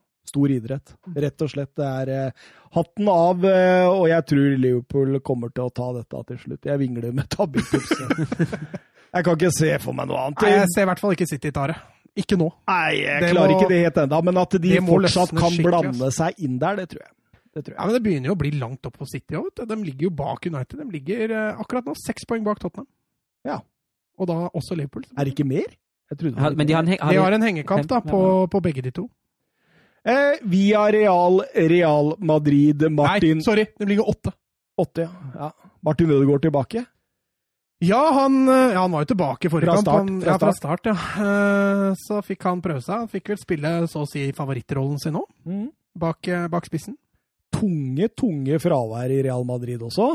Ja, veldig. De, de sliter fælt. Ramos, som fikk denne strekken som vi prata om i forrige podkast, mot uh, Tyskland. Uh, det er heavy. Varan sleit jo med skuldra, men spilte for det. Uh, også Casemiro var jo på benken etter at han ikke har trent på en, på en god stund, og Benzema var, eh, var ute. Eh, Hazard tilbake igjen etter covid-19-frafallet. Så det det, det er tungt i Real Madrid nå på spillematerialet der òg. Men da drar de opp Mariano Diaz av hatten, søren. Hæ? Ja, det gjør de jo. Det første starten av sesongen og første mål etter to minutter. Det er jo godt jobba. Fint innlegg av eh, da også. Spilte ikke han bare sånn 20 minutter i fjor og skårte ett mål? Mot Barcelona. Mot Barcelona. Han må jo, altså Nå har han spilt eh, 70 minutter nå, så Ja, altså han, han har eh, For Real Madrid så har han 22 skudd på mål i Real Madrid-drakta, og han har 11 mål. Det er, Det er 50 det er en god kvote, altså. Hvorfor er ikke han spiller jo ikke han mer? Nei, det, det er Altså, Jeg skjønner at Benzema er bedre, Ja, jo, men, men at han ikke dyttes innpå. ja, altså, Luka Jovic har de jo drevet drykka innpå Ja. der. eh. Men eh, Ja, Jovic mangla òg, da. Han fikk, fikk jo covid-19 til slutt. Da. det måtte, måtte vel skje. han har jo bedt om det lenge. Men, men eh, jeg syns jo eh, Real Madrid altså Selv om de har mye ball og sånn, så er det, det, det går så treigt. Altså, Jeg syns dette minner litt om United. Ja. Det er, eh, Ja, de har en del ball. Eh, ikke veldig mye mer enn Villarreal i den kampen her, for det varierer. I første omgang, ja. I andre omgang så er det synes jeg Villarreal som pusher. Men eh, det er planløst offensivt fra Real Madrid. Jeg tror de har ett skudd på mål i hele den kampen der, og etter skåringen, så de skaper fryktelig lite, altså. Mm. Jeg syns, eh, som du er inne på, Mats, at eh, spesielt midtbanen der med Iborra, Parejo og Trigueros, jeg syns de begynner å ta litt tak utover i annen omgang, og da, da sliter Real Madrid mer, altså. Ja, og så syns jeg altså han, eh, han får litt betalt for, for byttene sine. Estupinian burde jo få spille, egentlig, men han har ikke trent så mye sist. da. Men Chukwese syns jeg er frisk i innhopp. Kubo, litt skuffa, egentlig. Jeg trodde han skulle være litt mer fandenivolds, men så jo nesten litt ut som han vegra seg litt når han Mm. spilte der. Eh, Litt synd, det. Men uh, jeg syns det var litt flauere, de byttene Zidane gjorde. For jeg syns kampen tapte seg veldig for Real Madrid når han bytta. VG var ganske hardt på at de tapte etter at Eller tapte poeng etter at nei, Martin Ødegaard Altså, røyk. Ødegård var, var OK, han. Men uh, det var ikke noe spesiell forestilling fra Ødegård. Uh, men jeg syns Isco som kom inn, var jo svakere. Mm. Og Venitius uh, Ascencio var ikke Altså, det jeg savner med Ødegaard, det som han hadde i La Real, det var liksom det at det, da gikk han for det. Han gutsa litt mer. Nå syns jeg han er litt mer sånn 'unnskyld at jeg er til, jeg bare spiller denne for å være helt sikker på at han kommer fram'. Ja. At det er ikke noe Det er de safe pasningene Ja. hele tiden, og det er det som gjør at han bare spiller OK, for han gjør de trygge valgene. Han løper en del, men han er, han er, ikke, noe av, han er ikke noe avgjørende. Så får jo via Real straffespark, søren. Ja, og måtte den- jo komme. Den, er- og den er jo helt grei. Courtois eh, er jo nede og har kontakt med spilleren der, og Moreno er trygg. Det er vel eh, fjerde straffespark baklengs som, har som Courtois har fått de siste to kampene. Han er, han er etter det nå. Ja. Men så sa jeg, jeg tenkte på det at han var jo etter samtlige fra Carlos Soye forrige gang. Skal jeg sjekke opp litt? Og så fant jeg ut at han har jo bare redda én av 15 straffespark han har hatt eh, mot, uh, Han er mot svær seg. Courtois. altså. Ja, Han Ja. dekker mye av målet. Rart at han ikke redder Han burde vært litt sånn straffe, Litt ja. men eh, det sitter kanskje litt mentalt òg for keeperne. Jeg vet ikke, Søren. Gjør det det? Ja, kan, kan hende det gjør det litt. Har du aldri blitt tatt straffe på før? Du har kanskje aldri redda en straffe før? Nå har vi prøvd å selge den inn til HamKam, nå må ikke du, nå må ikke du dra ned igjen!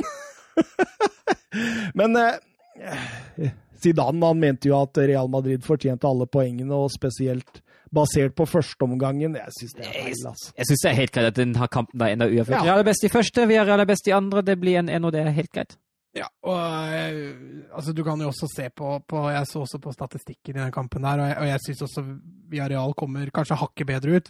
Real Madrid har litt mer ball enn Villarreal, men når det gjelder avslutninger og expected goals, så er det så å si likt. Og savna Casimiro, det, det, det merker du utover i annen omgangen der. Ja, altså han, han er jo gåseøyne frisk da, fra, fra, fra covid-19, men han har jo nesten ikke trent, så han eh, Ja, jeg er helt enig. Igjen så mangler mangler kanskje de to største lederne sine på banen, i Casemiro Ramos, og det, da blir det som det blir. Sevilla, Celta, Vigo. Eh, først ut å si at jeg bare har sett høydepunkter her, sånn veldig grovt. Jeg rakk det ikke. Nei, men det, går, det går fint. Jeg har sett den i sin helhet. Så da kan dere to ta den. Ja, eh, jeg syns jo Sevilla starta klart best. Kommer godt ut av startblokkene, tar en tidlig ledelse, og Campos er veldig sterk. Eh, Celta går jo inn i den kampen her med en plan om å, om å legge seg bak og gå på overgangen, men det fungerer jo ikke i det hele tatt i de første ti minuttene. Da blir det jo overkjørt og store hull i forsvaret der. Nei, jeg syns Celta blir mye bedre når de løfter laget. Ja, enig. Eh, som du sier, Sevilla tar ledelsen 1-0 der, og så snur jo Celta kampen. Eh, Ja, jeg syns 1-1 kommer ut av ingenting, Også. Ja, det, det gjør det. Og så er det litt sånn når Lito skårer mot gamleklubben, som nesten dytta han ut døra. Måtte Det liksom. måtte jo bare skje. Ja. Eh, så det var et lite stikk til gamleklubben der, og så er jo på overtid i første omgang der en Siri Det er klasseskåring, ass. Måten han Jeg eh, syns jeg har sett sånne Sevilla-mål før. Han Ja. herjer i boksen der Ja. med to Celta-forsvarere som bare klapper sammen. Altså. Og det var mye opp oppskriften til Sevilla å komme seg ut på kant, doble da og slå innlegg i boksen. Det, det gjorde de mye den Det er ikke første innlegget til Navas i år. Det, og ikke, ikke det siste heller. Pleier å være Luke de Jong da, som står inni der. Ja, men Nesiri viser jo der at han holder ikke så mye tilbake for Luke de Jong, for den timinga og treffet han får der på huet, det, det er klasse. Altså. Men dere vil ikke snakke litt om Thomas Waklik, eller så de korte glimta jeg så, så Men er, nå er vel han egentlig reservekeeper, tror jeg. Jeg tror det er Bono som er fast eh, førstekeeper nå, etter den prestasjonen han hadde eh, i våres. Eh, nå var jo Bono ute i den kampen her, og derfor sto Waklik, og det, det var Waklik, altså. det var det. Han har ikke styrket, styrket stillingen sin med den der. Altså, den første mener jeg er direkte av hans feil. Ja, ja, det er kjempetabbe. Og det er ikke noe bedre den returen han gir på Nei. andre goalen der, heller. Så Lito var, var dempa feiring, da. Jo, ja, det er hyggelig, hyggelig, det. Hadde jo 16 mål på 83 kamper der før han ble omtrent kjeppjaga ut.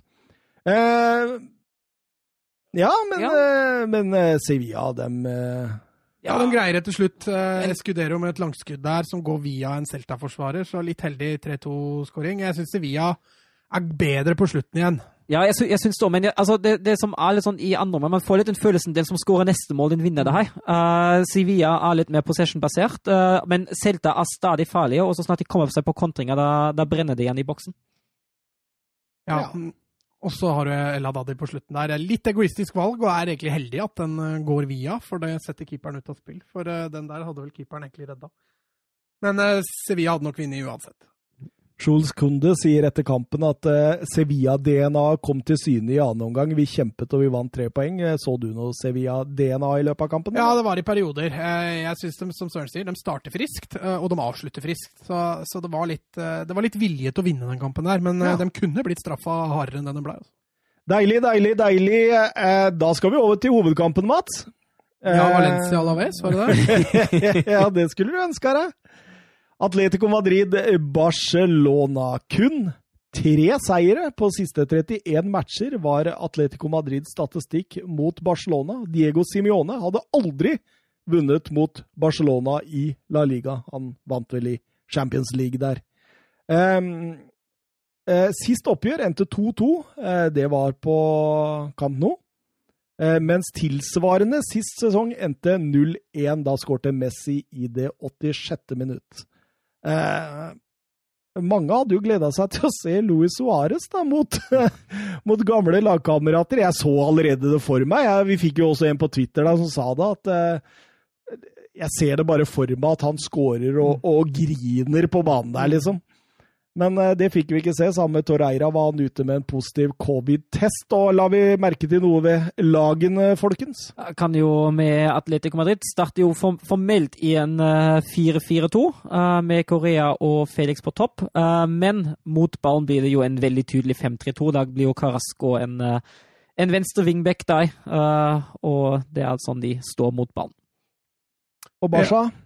Ja, det er ingen store, store, forandringer der. Busquets var jo som sagt ute med, med skade fra, fra landskampen uh, sist. Og, og, Coutinho fortsatt tydeligvis ikke frisk nok til å, til å starte, så da, da blei det egentlig ganske som forventa fra, fra Barcelona sin side.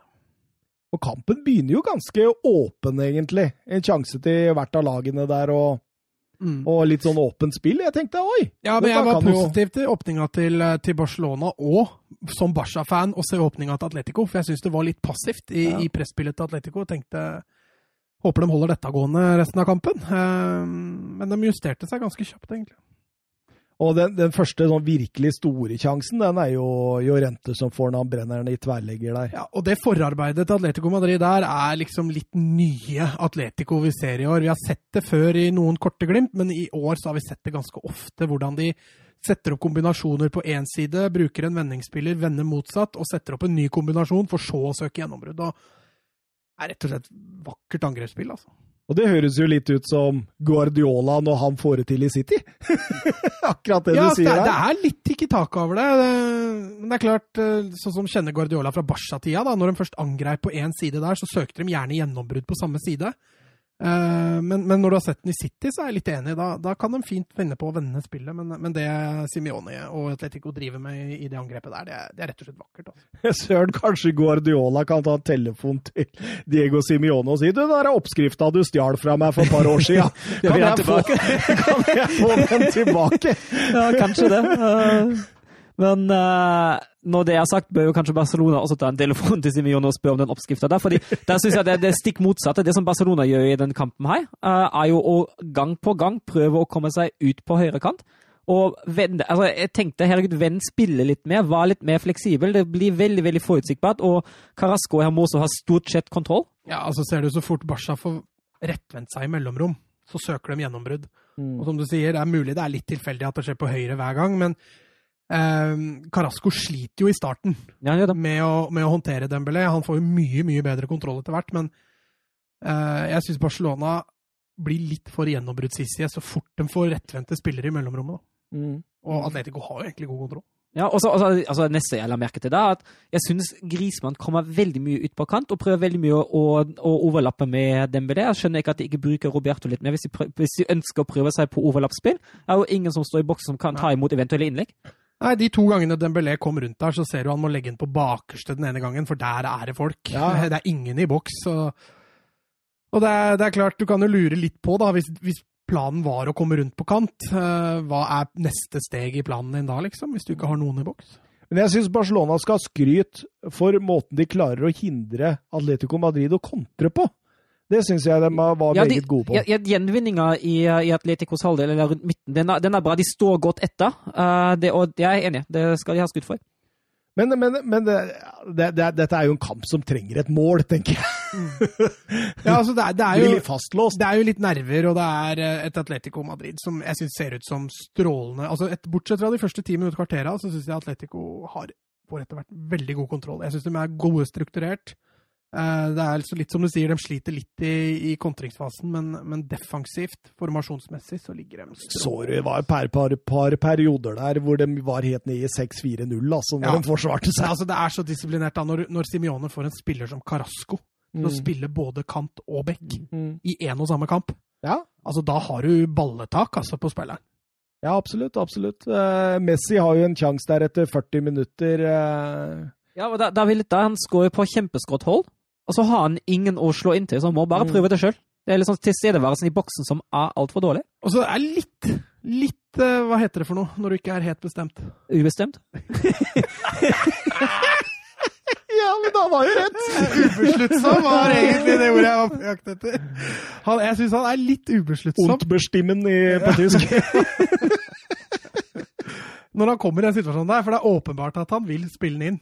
Og Messi, gode, gamle Messi, han hadde satt den oppunder tverrliggeren. Eller, eller mellom beina på keeperen. Ja. Og vært bestemt, liksom. Men istedenfor at uh, Lionel Messi skårer, så er det Jannik Carasco som gjør det på andre sida. For et mål! Apropos mellom beina på keeperen. Ja, herregud.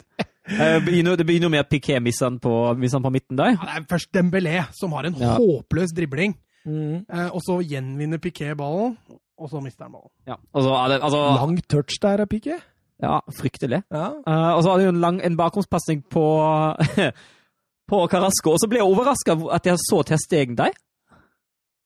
Det, ja, det var overraskende å se ham så langt ute på mål. ja, sweeperkeeper. Ja, vel, ja han sviper jo kanskje li- litt for mye, da, vil, vil jeg jo si. I overkant, eller? Ja. Den uh, touchen til Carasco der, da. Åh. Tunnelen. Åh. Tror du han mente det? Ja, jeg, jeg tror det. Jeg tror faktisk det er eh, med vilje overlegg. Han ser jo åpenbart at Ter Stegen kommer. Men en brøler. En skikkelig brøler. Ja. Kjempekeepertabbe. Er jo ikke så mye mer å si om det. Eh, Ter Stegen feilberegner fullstendig. Og da er jo det som er omtrent det verst tenkelige scenario i hele fotball-Europa, mot Atletico Madrid på Wanda Metropolitana. Ja, det er vel litt samme Guardiola følte med City der, tror jeg, når han gikk til Ja. pause mot Tottenham. At eh, dette, her er vi et stykke unna, eh, og i tillegg så ligger vi under. Så Nei, han hadde en jobb å gjøre i pausen, Koman, og den, den jobben gjorde han ikke veldig bra. Nei, altså det, det jeg tenker, altså Pedri var jo helt fraværende. Jeg hadde ta vi snakka om det samme sist! jeg husker vi samme sist hovedkamp i så sa vi akkurat det samme. Jo, men nå, nå har han fått prøve seg mot Real Madrid og Atletico Madrid. Han har starta begge de kampene. Eh, mens mot de antatt svakere lagene, så hevder han seg mye bedre. Mm. Nå mener jeg at Koman må verne litt om Pedri, for det er åpenbart at det er et stort talent der. Men ikke kast han innpå i de største kampene hele tiden. Nei, og så må, og må, må du jo ta endringer når du ser at det ikke går, og det går jo åpenbart ikke. Jo, jeg er litt for Jeg liker den der at du skal ikke dytte ut en unggutt etter 35 bare fordi han spiller dårlig. Nei, men til pausen. Nei, jeg mener også at han kan få mulighet til andre gang. Hvis du setter deg ned med en unggutt, og så hører her nå, nå skal du bruke de første minuttene på det og det og det, og så hviler vi deg da. Ja. Så bruker du nå Det syns jeg er, egentlig er en fin, fin inngang mot unge fotballspillere. Eh, helt enig med deg at det funker svært dårlig for Pedri, både med og uten ball. Eh, men at han får liksom tilliten selv om han ikke spiller bra, det tror jeg bygger karakteren hans. Så, så det, det liker jeg at han gjør. Men eh, om han skulle starta kampen, det er en helt annen diskusjon. Det er jo bare pjokken. Ja, han blir 17 år om Blir 17? Eh, Nei, 18. Unnskyld. Han blir ja, 18 om et par dager. Oi, oi, oi. Men eh, i, i annen omgang eh, viste jo ganske kjapt, syns jeg, at eh, det skulle ikke bli lettere for Barcelona, dette her. Det var eh, overbefolkninger av soner, og, og jeg, jeg syns rett og slett at, eh, at Atletico Madrid her er de verdens beste lag på akkurat disse situasjonene. Ja, det er det. Og altså, det, det er veldig vanskelig, Uh, og det kan godt hende at det ikke hadde gått likevel, men jeg syns jo Messi blir litt bortkasta i sentrum. Og jeg lurer på om det riktige hadde vært å trekke over til en 4-3-3 og sette ut Messi på kant, og prøve å gi ham litt mer rom, få han litt mer inn i spillet. Fordi han, eh, han, slår, jo no, han slår jo noen gode innlegg etter hvert, uh, riktignok etter dødballer. eh, og jeg tror det kunne ha hjulpet Barcelona å spille litt, og få ham litt mer i kant og litt mer aktivisert der. Ja, men jeg er helt enig, og jeg syns eh, denne 4-2-3-1-formasjonen til Koman Nå må han snart våkne.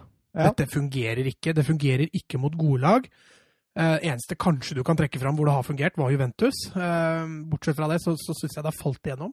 Og det er også veldig varierende mot dårlige lag. Ja. Og, og DNA-et til Barcelona er 4-3-3. Han har fortsatt masse spillere til å spille 4-3-3. Eh, kanskje på tide å stikke fingeren i jorda og erkjenne at vet du hva, det her eh, fungerer ikke. Og si opp. Ja, ja, altså Det gjør han ikke, for han, han, han har gitt avkall for et EM med Nederland Ja, for dette. Nei, han, han sier ikke opp, det er jeg ganske sikker på. Men Barcelona har altså hatt sin dårligste seriestart på, siden 1980-tallet, hvis ikke jeg tar et feil. Oi, oi, oi. Men det er et par minutters, eh, en par minutters periode der hvor Clamar Lenglet kommer i fokus. Først så har han jo en eh, god sjanse etter et innlegg eh, hvor han header rett på Oblak, og så er han tilbake. Det tar vel, jeg måtte regne på det, 14 sekunder tar det før han er tilbake og avskjærer den fra, til Ja. Joao Felix. Strålende stopperarbeid. Det er klasse, og den sjansen han har der er ikke så stor. Altså På Oblak så er det målet kanskje 90, nei, 1 av 100 ganger, så, så det er ikke en spesielt stor sjanse. Og det returløpet han tar der da, for å hindre Felix aleine med keeper Stort, faktisk, Ja. spiller. Det er noe av det beste jeg har sett av Lenglet i hele år. Ja, ja, så har han jo en rett etterpå. Ja, Den, den må han skåre på. Det Den mener, jeg, det mener jeg han må sette. rolle om du er stopper eller spiss. Altså, det der skal være mål 100 av 100 dager i uka. rett på hodet hans, liksom, og bare Rett i fanget på Ja. Oblak. Altså, det går ikke an å få han mer rett på Oblak. Absolutt ikke. Eh, og så må Piqué ut med skade. Ja, det er veldig synd. Korea det faller jo med, med hele kroppen på høyrekneet hans, og det, det så utrolig vondt ut. man så på det. Alba som takler Korea i Mm. Piqué. Ja, det er eh, veldig, veldig uheldig. Jeg skal ikke ta Korea for noen ting på den skaden der, men uh, Har, du, har du hørt noe estimert tid? ja, det estimeres på mellom tre til fem måneder. Oi, oi, oi. Så dette oi, er et realt blow, for det er en av de posisjonene hvor Barcelona er eh, fryktelig dårlig. Blir det de Jong ned nå, eller? Altså, eneste stopperen de har spilleklar i A-stallen, er Lenglet. Ja. De har én stopper nå. Uh, Minguesa fra B-laget er mm, oppe. Mm. Så han uh, spekulerte til at han skulle starte kampen i dag mot, uh, mot Kiev, så jeg. Oi, oi, Hvis ikke så er vel de Jong ned, da. Det nest beste alternativet. Umtiti skada, Arujo skada, og nå Piqué skada. Så dette, dette lover ikke bra. Syns de Jong løser oppgaven strålende, da. Når han blir satt ned nok en gang. Jeg syns han viser en allsidighet her. Han Sånn. er, eh, så lenge han slipper å få masse dueller, Mm. så, så er de Jong strålende. For har han spillet foran seg, så er han, han er ufattelig fotballsmart.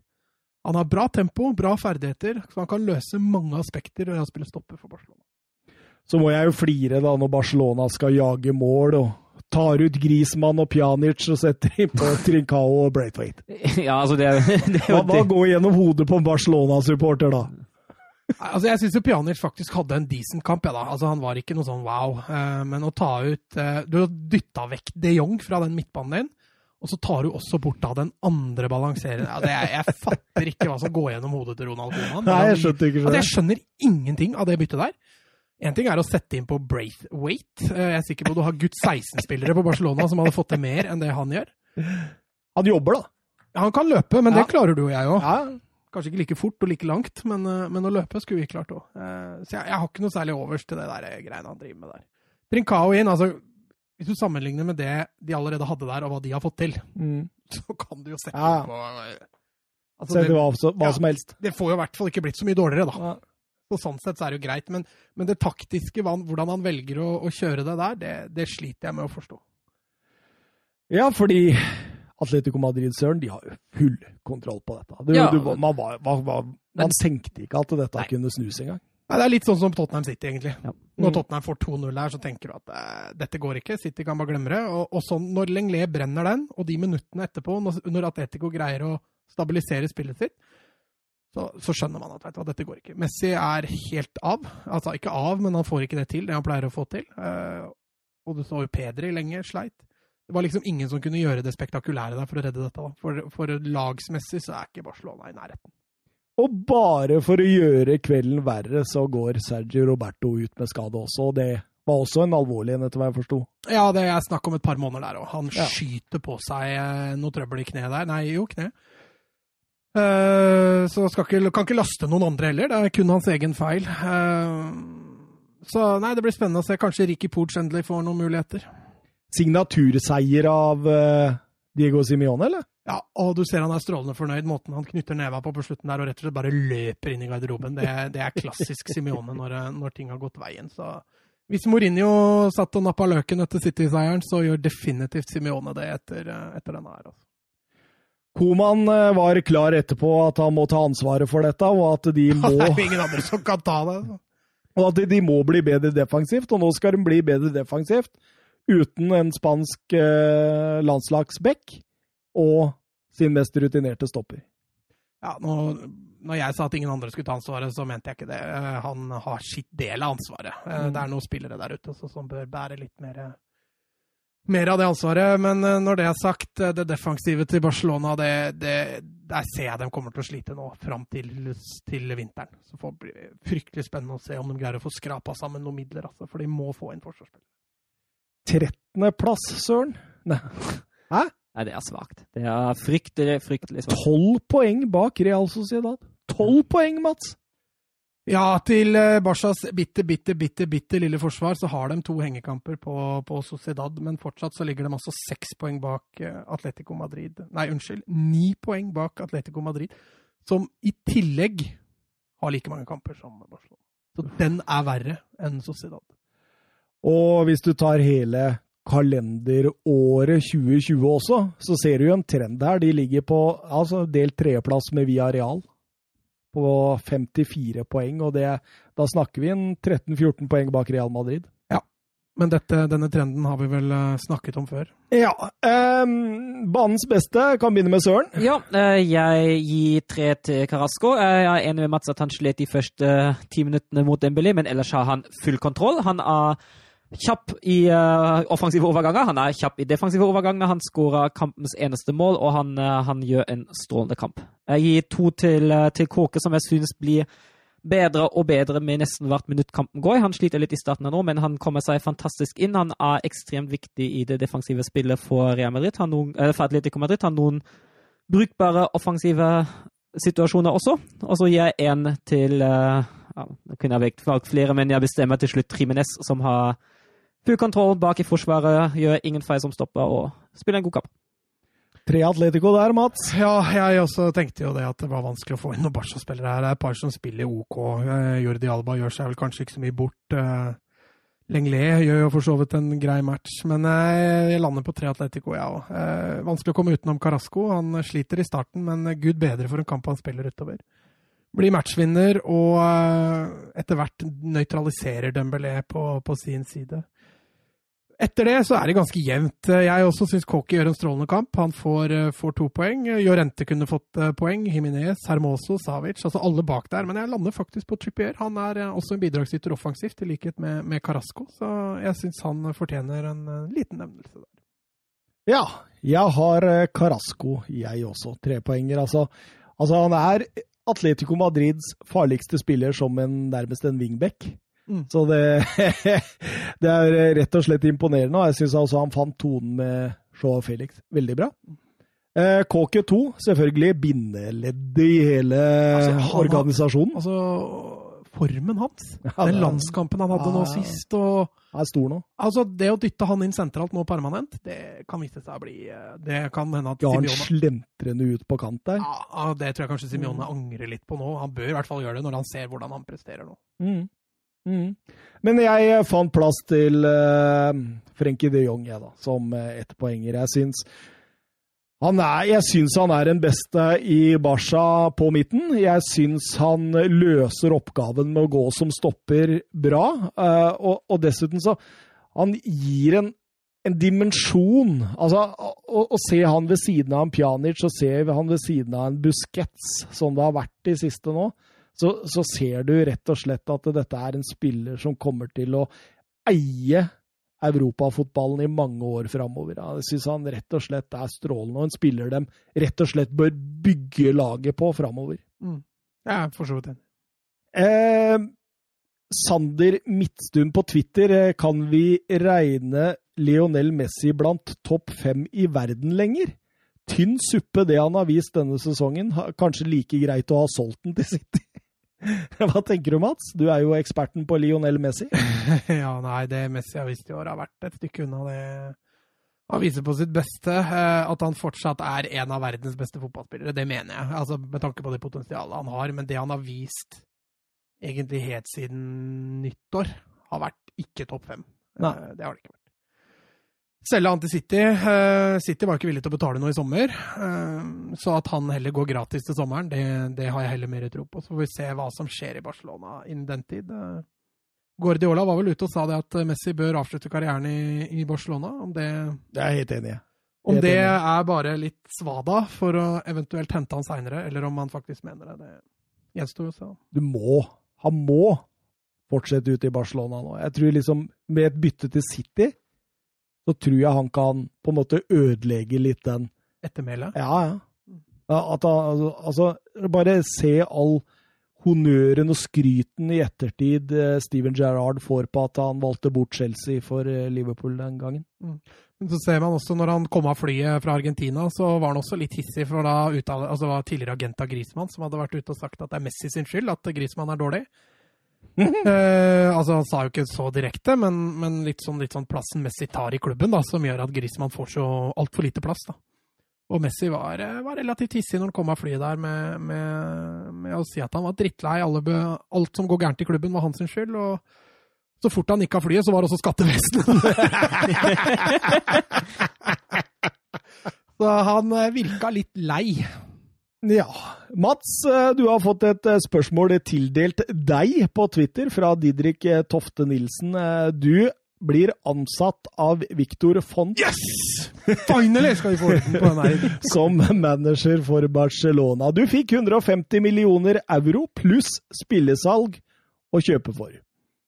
Eh, hvilke grep hadde du gjort i klubben, og hvilket spillere hadde du henta inn? Og da tenker jeg også på han mener solgt. Det er 150 Oi, det er ganske bra. Det det- det er mye. Neymar, og så ferdig. Nei, Neymar hadde jeg faktisk ikke henta tilbake igjen. Altså, For det første så må vi fortsette å kvitte oss med dødt kjøtt i klubben. Eh, Jeg syns jo det at eh, det er fortsatt litt spillere igjen der som, som ikke presterer. Typ Grismann, typ Coutinho. Dette er spillere som fortsatt har høy markedsverdi. Det går an å selge for mye penger.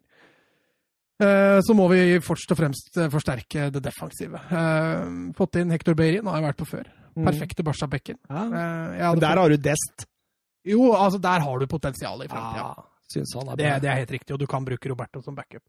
Eh, Jeg har i hvert fall tatt inn Erik Garcia. Har Barca-DNA i seg. Jeg Har vist, jobba under Pep Guardiola. Jeg tror han hadde glidd rett inn i det forsvaret der og forsterka det ganske kraftig. Eh, Jeg hadde prøvd å børste støvet av Umtiti. Mm. Jeg syns han har noe uforløst, så, så han tror jeg vi skulle prøvd å, prøvd å få i gang igjen.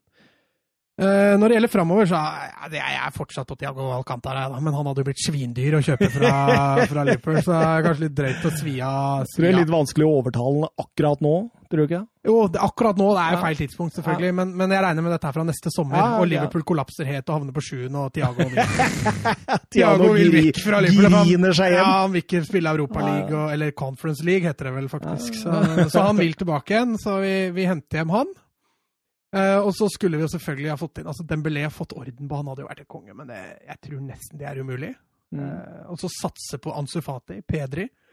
Uh, Messi fornyer kontrakta, selvfølgelig. Han er jo så glad i meg, ikke sant. Ja, ja. Han er overlykkelig for å få meg som trener. Ja, selvfølgelig. Du gir den jo carte blanche. Ja, ja, ja. Uh, og så svidd av mesteparten av pengene som er igjen, og fått inn Haaland. Ja. Haaland i ho, Ta på nisselua der, og så Ja, men det, altså, du bør ikke ha han på nisselue nå for, å, for å, å hylle den gutten der, altså. Det behøver faktisk ikke det. Det er bare å slutte med, for å si det sånn. Det er bare superlativ. Altså, det, det vi ser nå med han, vi kommer jo tilbake til det, det er, det er spesielt i norsk eh, fotballsammenheng, ingen tvil om det. Men Jo, men bare for å avslutte den siste her, da. Eh, Gå tilbake til røttene. Det er det jeg hadde gjort. Altså, Grunnen til at jeg ble forelska i Barcelona, var filosofien eh, med Suno klubb, altså mer enn en klubb. Altså, du, du føler ikke det lenger. Det er ikke mer enn en klubb lenger. Altså nå Vi er snart å bli mindre enn en klubb. Ja, det er jo snart én for alle. Det er snart alle hver for seg. Det er ikke noe én for alle, alle for én type klubb lenger i det hele tatt. Og, vi må tilbake igjen til de røttene der. Og så Altså, Barcelona uten Skulle vi havne utafor Champions League, så vil det være katastrofe økonomisk. Men det må skje et eller annet. altså. Den Mm. klubben må begynne på nytt. Dessverre. jeg, jeg tenker jo det at eh, Barcelona, de trenger jo en stopper, eh, kanskje to. Det, det, det må de ha snart, liksom, på en måte. Piqué, uansett om han er ute, han begynner å trekke på åra. Det, det er ikke like bra lenger. Og Langlais, jeg er ikke veldig fan. Jeg er ikke det. Eh, De trenger et rivjern, altså et rivjern ved siden av, ved siden av Busquets, hvis de skal spille da, 4-2-3-1. Eh, Går de over til en 4-3-3, så trenger de fortsatt et rivjern inn der, for da kan du kjøre Busquets over som indreløper. Så det, det, Men rivjern mener du murbrekker? ja, jeg men- mener en Casemiro. Type Eh, Kanté? Ja, en Casemiro Kanté. En som kan ta tak, en som Hva kan med- bestemme, en som kan Altså, altså, altså du, du kan jo si at Busquets var et slags rivjern i sin prime. Glans- Glansdager? Ja, Kan prøve seg på en Didi. ja for eksempel. Ja. Det kunne vært en, eh, en strålende spiller Men, men altså, jeg mener jo også at de Jong sin beste posisjon er jo den pivot-rollen. Ja, men jeg, Men han er altså, ikke da, noe, da, ikke trenger du, da trenger du ikke noen sånne offensive indreløpere à la- Shawi Nesta. Da, da må du ha boks-til-boks-indreløpere, altså. Ja, de som truer boksen, ja. Ja, altså, Ja, men det altså kunne jo- begge veier. Altså. Kunne jo Xavi Nesta gjøre det. Jo, men jeg tenker på defensivt. Altså, de har jo, altså, det, jeg tror Xavi Nesta nøt godt av Busquets. Ja, utvilsomt. Det, jeg- gjorde, det gjorde hele ja. Barcelona-laget. For å, for å få denne balansen inn. Og jeg, jeg tenker at hvis du skal kjøre en, en eh, de Jong inn i en sånn rolle, så er man Altså, man kan ikke gi eh, full galopp, holdt jeg på å si, til disse indre løperne. Da. da, da må man begrense seg litt der. Men har liksom ikke de Jong hatt den rollen noe særlig i Barcelona. Nei, men ser du for deg at han kan bli sånn Han spiller jo sånn i Nederland. Jeg syns han er strålende når han spiller sittende i Nederland. Jeg har sett den lite i Nederland, så jeg kan ikke argumentere imot det. Nei, fordi under, under um, Sett igjen og, og delvis Valverde, da, så, um, så spilte han jo indreløper. Mm. Uh, og da så vi han sleit med å komme inn i boks. Ofte- spilte han i Ajax? Ja, da spilte han jo pivot. Ja, ja. Uh, og så hadde han jo van de Beijk på, som indreløper, blant annet. Eh, og så eh, Nå under komaen så spiller han jo én av to sittende. Ja. Og du ser ofte at når han har spilt med Busquets, da blir det mye rom å dekke, ass. så jeg tror nok eh, Hadde han fått to indreløpere rundt seg der, så tror jeg de Jong kunne blomstra litt. Resultattipset, Søren. Du sa 2-0. Ja, ikke, jeg føler at jeg traff OK, jeg. Ja da, du får et poeng. Ja. Jeg stikker også av med et poeng. eh, 2-1, sa jeg. Mens Mats, du trodde på Barca-seier, og dermed står du med null poeng denne gang. Jeg tror Mats kan takle det, ja. eh, noen ord om Alaves eh, Valencia? Ja, det blei jo også det en kamp med litt to forskjellige omganger. Alaves ut av startblokkene i 100. Eh, Valencia ikke på jobb i det hele tatt, første kvarteret faktisk. Så det, den fikk en forferdelig, forferdelig start på det. Men så må jeg si den andre omgangen til Valencia igjen var, eh, var bra. Eh, Det er egentlig ufortjent at Valencia ikke vinner den kampen. Men, men eh, altså, Navarro setter jo på fra dødball eh, 1-0, og det blir 2-0 ved straffe med Lucas Perez. Også Navarro som blir felt litt sånn klønete av Guillamon. Guillamon, ja. Eh, også, også som du sier, så snur de fullstendig om, egentlig. Sånn, det begynner å komme litt bedre på slutten av første omgang, og så, og så tiltar dette utover i annen omgang. Og hva, hva er han gjør, han godeste Gracia? Nei, altså han, han eh, Jeg syns han går litt høyere med laget. Eh, Gameiro kommer plutselig til mye sjanser. Er jo selvfølgelig helt feil mann eh, når du ser de sjansene han Han brenner av vaksinert mot å skåre. ja, og, men, men det Valencia kanskje blir enda litt mer bevisst på, da, er jo å få ballen tidligere i bakrom. Eh, og Gameiro er jo farligst i bakrom. Så, så Valencia blir kanskje litt mer direkte utover i, utover i andre omgang. Han begynte å legge min elsk på, eh, på Carlos Soler som en Sentrale. Ja. Mm. ja, altså Vi så han jo mye på kant uh, tidligere. og Ja, men det er litt sånn Kåke-versjon over det. ja, ja. Kanskje Soler er litt mer toneangivende offensivt enn det, enn det Kåke er, men uh, han kan faktisk ha gjort noe men Nå tror jeg Gracia sitter der med nada valg. Han har jo ingen sentrale. Nå er Kontogbia tuppa ut, Parejo tuppa ut, Coquelin tuppa ut. Da sitter jo igjen da kun med Racic, som var eh, utlånt i fjor, og Soler inn sentralt. Det kan fort bli eh, sentralen til Valencia i hele år, med mindre noen av dem blir skada. Mm. Og når du hører uh, hva Mats sier her, uh, Søren, det er ganske Altså Gracia, jeg syns han får mye ut av lite. Ja, det er jeg helt enig i. Eh, det det som kanskje gjenstår litt nå, er å få det litt mer konstant. Vi har snakket litt om at Valencia har hatt litt forskjellige prestasjoner utover i kamper og gjerne vært sterkest i andre omganger og var spilt første omganger. Eh, og hvis man får litt mer konstant eh, prestasjon inn i det, og spiller faktisk en god helkamp, da kan det fort bli OK, det. Ja, altså, tenk på at De har jo faktisk Geders på benken. De har en Tony Lato på benken. Manu Vallejo kommer inn og gjør faktisk en decent eh, Ja, skårer jo òg. Ja, får mål. Han burde jo skåra på slutten der òg. En av de som brant stor sjanse på slutten. Og så har de disse unggutta, da, Kang In Lee og, og, og Musa på topp der, eller på kanten der, som eh, Nei, Det er jo litt spennende òg, men jeg er helt enig. Han, han får eh, relativt mye ut av relativt lite. Giamon setter 2-2 der. Eh, Den trengte han, for det var en voldsom start han hadde på kampen der. Ja. Men, men det stoppeparet der, Paulista Giamon, Mm. kan fort bli førstevalget utover. Ja. Eh, å få inn Mangala der er Det er bedre enn Mangala Diakaby. Diakaby der er Det er katastrofe, altså. Her har de solgt unna viktige spillere, og så sitter de igjen med dette, liksom. Det, det må jo være fryktelig slitsomt. Men Valencia har kommet tilbake fra å ligge under flest ganger av samtlige La Liga-lag i år. God bra. Eh, ja, ja, hele åtte av Valencias poeng er tatt etter å ha ligget under. Så det, det tyder jo på i hvert fall noen positive retninger, da, Søren. Ja, det gjør det absolutt. Og det er jo en styrke i seg sjøl å aldri gi tapt. Og Gracia han eh, sier at eh, han ser utvikling, så da får vi jo bare satse på at dette går til himmelsmats. Ja, kan jo også nevne Real Sociedad, da, som bare fortsetter og fortsetter. De leder jo nå eh, La Liga. Adnan Janusai har plutselig begynt å spille fotball igjen. Det er nesten sånn at vi snart må bytte Valencia med Real Sociedad, for det blir Ja. sånn middelhavsfarer eh, Valencia nå, vet du. Ja, Valencia snakker vi vel om kun pga. renommeet, hvis Ja. vi kan si det sånn. Eh, Sociedad eh, spiller jo også Cádiz-kampen nå i helga, var, eh, var strålende. De eier den kampen og vinner eh, fullt fortjent. Og det laget de har nå, er spennende. Silva blomstrer, Janusai har begynt å ta tak. Isak blir jo matchvinner. Og Jarzabal. Det det er spennende. Jeg var skeptisk til Aguasil, jeg. Jeg vet det. Men han hadde jo en litt trå start òg, da. Ja. Eh, Men nå har jo virkelig løsna ett tap på de siste seks eller sju, hvis ikke jeg tar rett feil. Og fem, nei, jo seks strake seire nå.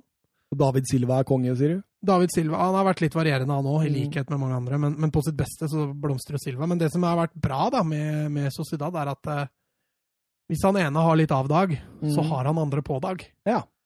Så, så det ser eh, sterkt ut. Jeg tror det kommer til å rakne litt etter hvert for Sociedad, men at de kan kan kanskje fram til jul være med å kjempe om en medalje.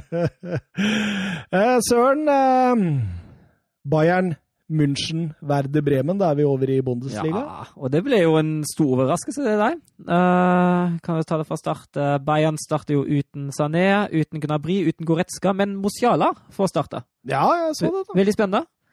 Og så er jo Hernandez ute etter 19 minutter eh, med en skade, og da må Goretzka inn.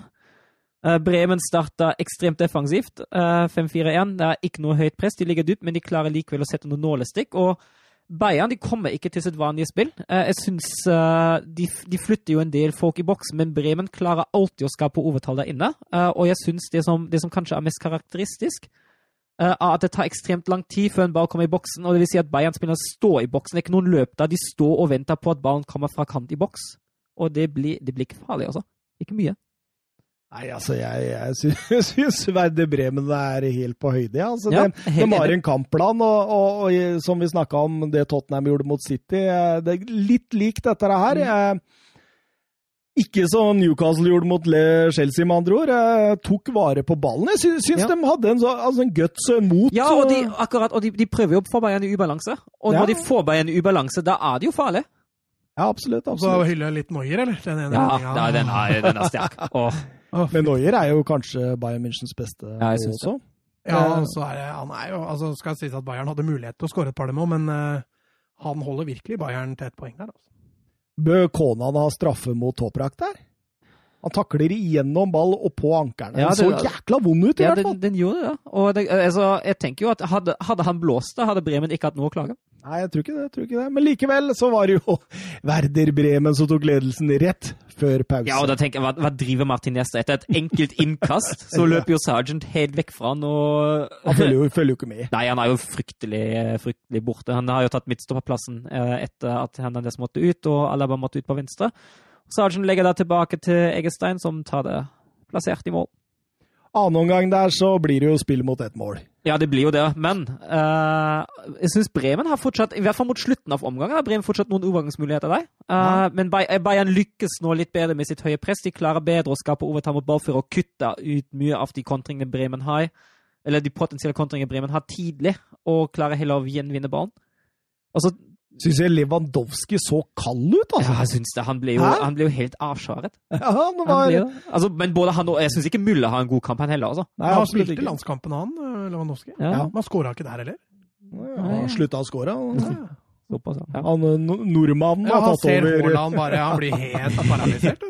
Og så, og så fikk de jo de fikk jo den 1-1-skåringen. Jeg tenkte litt på den skåringen de hadde i Champions League-finalen mot uh, PSG. Og skapa med Musiala og Coman, da. Det var jo Coman som satt mot PSG. Og overtall etter et innlegg fra korridoren. Overtall mot lengste stolpe, og så sitter han. Ja, nesten tro kopi. Ja. Eh, Men det så tungt ut, det der, altså. Det gjorde det. Jeg syns ikke dette er Bayern på sitt beste i Nei. det hele tatt. Og altså Sjopo-Moting. altså, du, mannen med verdens beste agent, som vi sier, men ikke er verdens beste fotballspiller sjøl, han, han har en sjanse fra tre meter. Den han- er så gedigen, den søren. Ja, det er, altså, det er liksom det, altså, når, du, når du først er backupen til Lewandowski, så kommer du inn Skal du sette nå? Ti av ti ganger. ja.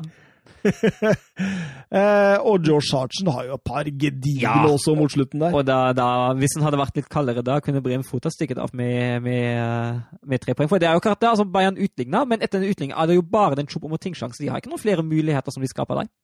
Nei, absolutt. absolutt. Eh, Så Müller var ute etter kampen og sa det at eh, Werder Bremen gjorde det veldig bra ved å gjøre det vanskelig for oss. Eh, men jeg syns også eh, Werder Bremen gjorde det bra for seg selv. Ja. De, ødela, de, ødela, ikke bare. Nei, og så er det femte gang nå på rad de spiller 1-1. Og det er det samme som Leverkosen klarte før, men eh, som er samme resultat. Eh, fem ganger på rad, samme resultat. Det er ja, ny rekord. Ja. Og så møter de Wolfsburg nå på fredag, så kanskje blir det 1-1 igjen. oi, oi, oi, oi, oi, oi, oi. Borussia München Gladbach mot Augsburg. Eh, Det var et blow for Marco Rose, tenker jeg. Ja, det var jo det, og den, den bør de ha vunnet. De spiller, de spiller halve andre omgang med én mann mer på banen. De har egentlig god kontroll. Så Augsburg starter jo, starter jo ganske bra med den tidlige sjansen etter 20, minutter, 20 sekunder. Men utenom det har jo Mönchenglattbach god kontroll. De presser høyt, de vinner ballen høyt, de skaper decent med målsjanser. Men så merkes det at uh, Plea er ute fordi Embolo Det er Han, han er i beste fall ueffektiv noen ganger. Ja, jeg vil jo si det. I beste fall, ja. Og veldig varierende, eller? Ja, han er det. Altså, han er jo god til å holde på ballen, for all del, og han gjør jo en god jobb i akkurat den disiplinen i den kampen, men spissens hovedoppgave med å skåre mål, den Men uh, husker vi, jeg vil hylle han litt i fjor. Men som, som en tier. Ja, som en Mm. tier. ja. Ja. Ja. Ikke en nier. Eh, helt klart. Eh, ja, for de tar jo ledelsen tidlig, Søren. Vi var, var vel ikke så vidt innom det. Og, ja, ja, Nydelig avslutning av Neuhaus. absolutt, absolutt. Eh, Og um, jeg syns jo Augsburg under Heiko Herlich Du veit hva du får. Ja, du vet jo det. Altså, det er jo Vi har sett den samme oppskrifta før. Man, uh, man legger seg litt sånn bak og kjører kjappe overganger. Og uh, I hvert fall mot de gode lagene, da.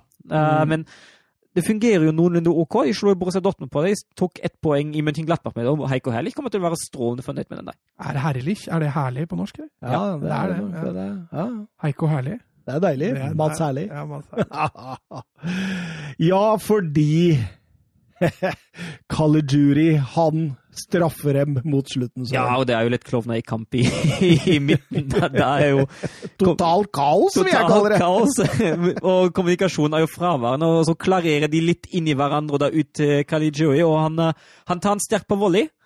Men han eh, Oskar Wendt han ser ut som han har totalt panikk der. eller? Ja, han gjør det. Sklir inn der og klarerer i øst og vest. Ja. Og da, nei, det er herlig. Og det er jo to tapte poeng. Jeg sier Ja. lyspunkt at Dennis Zakaria, Ja. er det det han heter? Zakaria kommer Zakaria, inn. Zakaria. Ja, jeg prøv, prøvde å si det på noe tysk, det var morsomt. Eller han er jo ikke tysker engang, så jeg bør ikke si det. Han er fransk. Zakaria. Åssen sier du det, Søren? Zakaria? Du, du, du, du, du er ikke så kul som Koma. Nei, jeg sier bare Zakaria. Zakaria.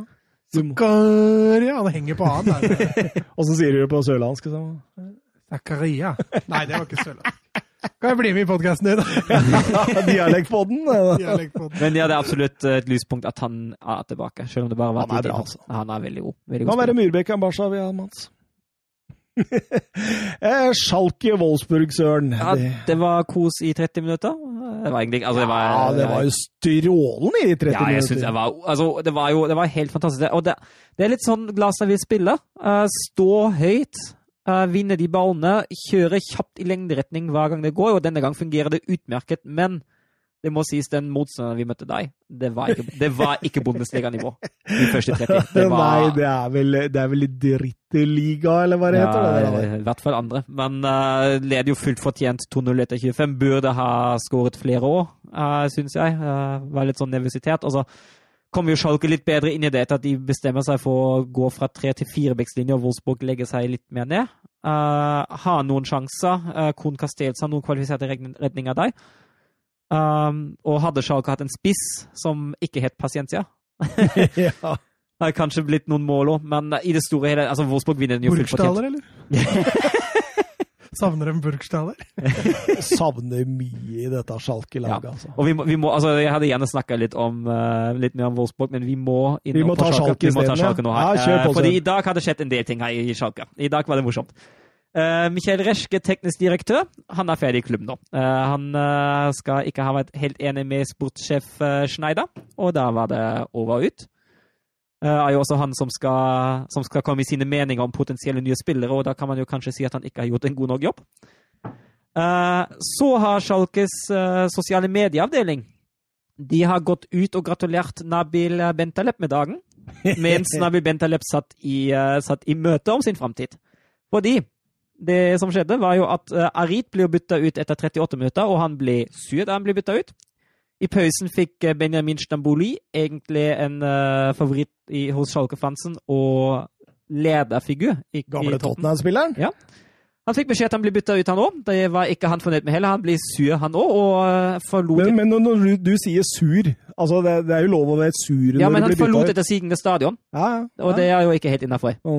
Gareth Bale-opplegg? Ja, og Arit oppførte seg jo ikke bra heller mot Baum. Uh, og så blir jo, uh, blir jo Bentaleb uh, blir jo bytta ut midt i, eller mot slutten av andre omgang det òg. han blir pottesur har nå. Altså, han bytta ut Tre av de spillerne han bytta ut, blir, blir utrolig sure. Og så fikk de, uh, fikk de sin verdict nå.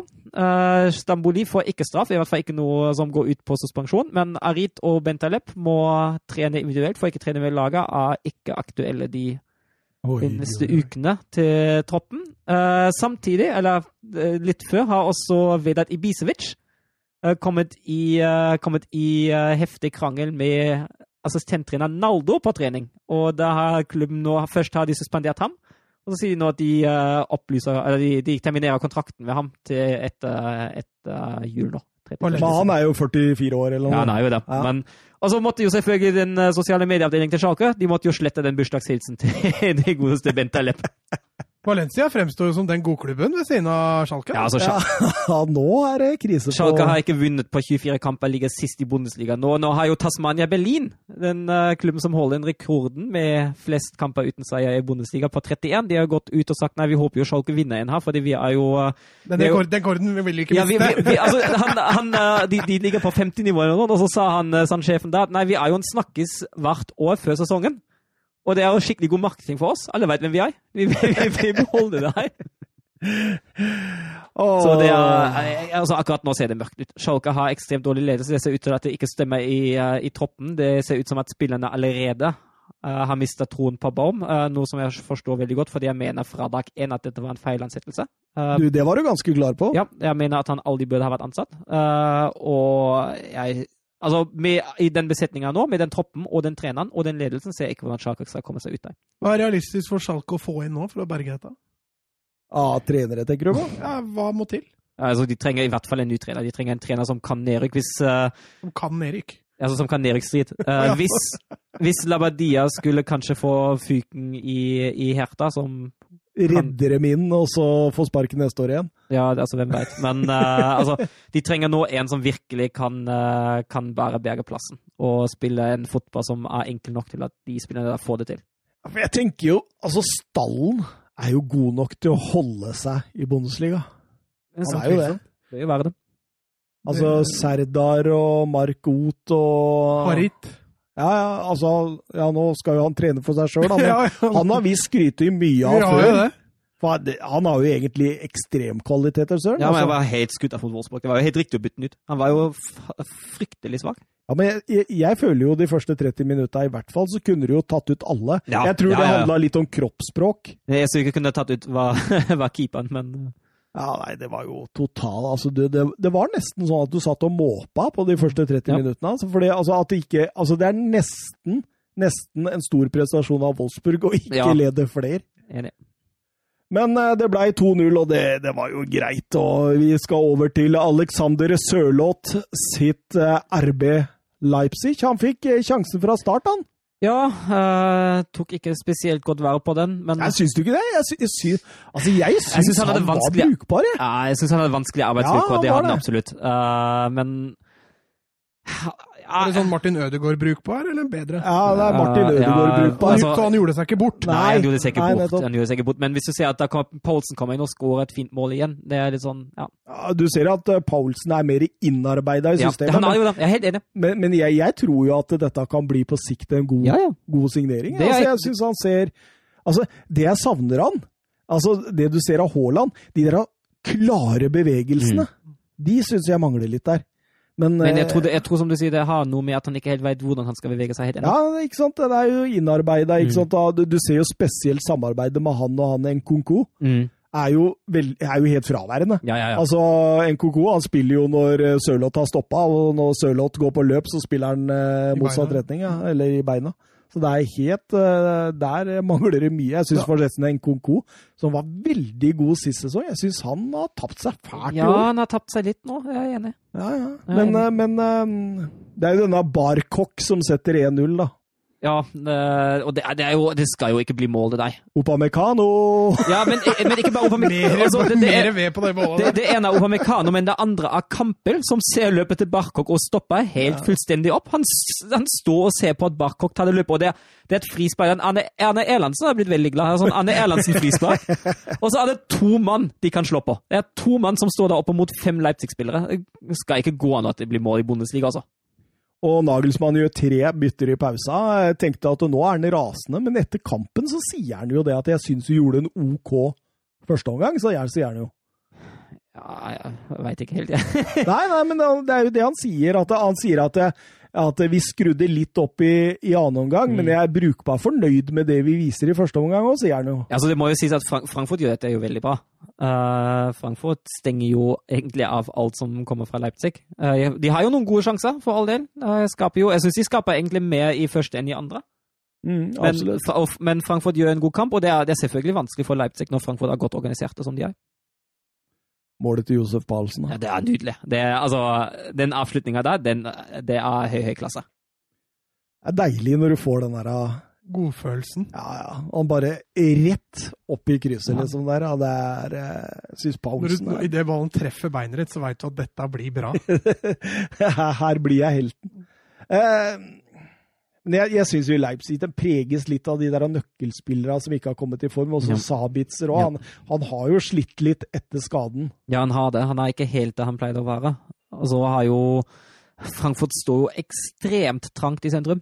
Mm. Og så kommer han seg ikke helt, eh, helt rundt det da, og så da blir det vanskelig. Eh, begge lag har jo store sjanser mot slutten. André Ja. Silva kunne jo, kunne jo faktisk eh, skåret eh, 2-1 der helt Mm. mot slutten. før eh, hvem er det som har den andre? Det er vel Paulsen det også, som Mm. har en helt på slutten der. Men det, det, det ebber ut med 1-1. Og det er vel eh, OK, det òg. Ja, syns jeg det. Eh, marginalt bedre Leipzig, men jeg Ja. kampplanen til Adi Hytter er, er Ja. bra. Han treffer bra.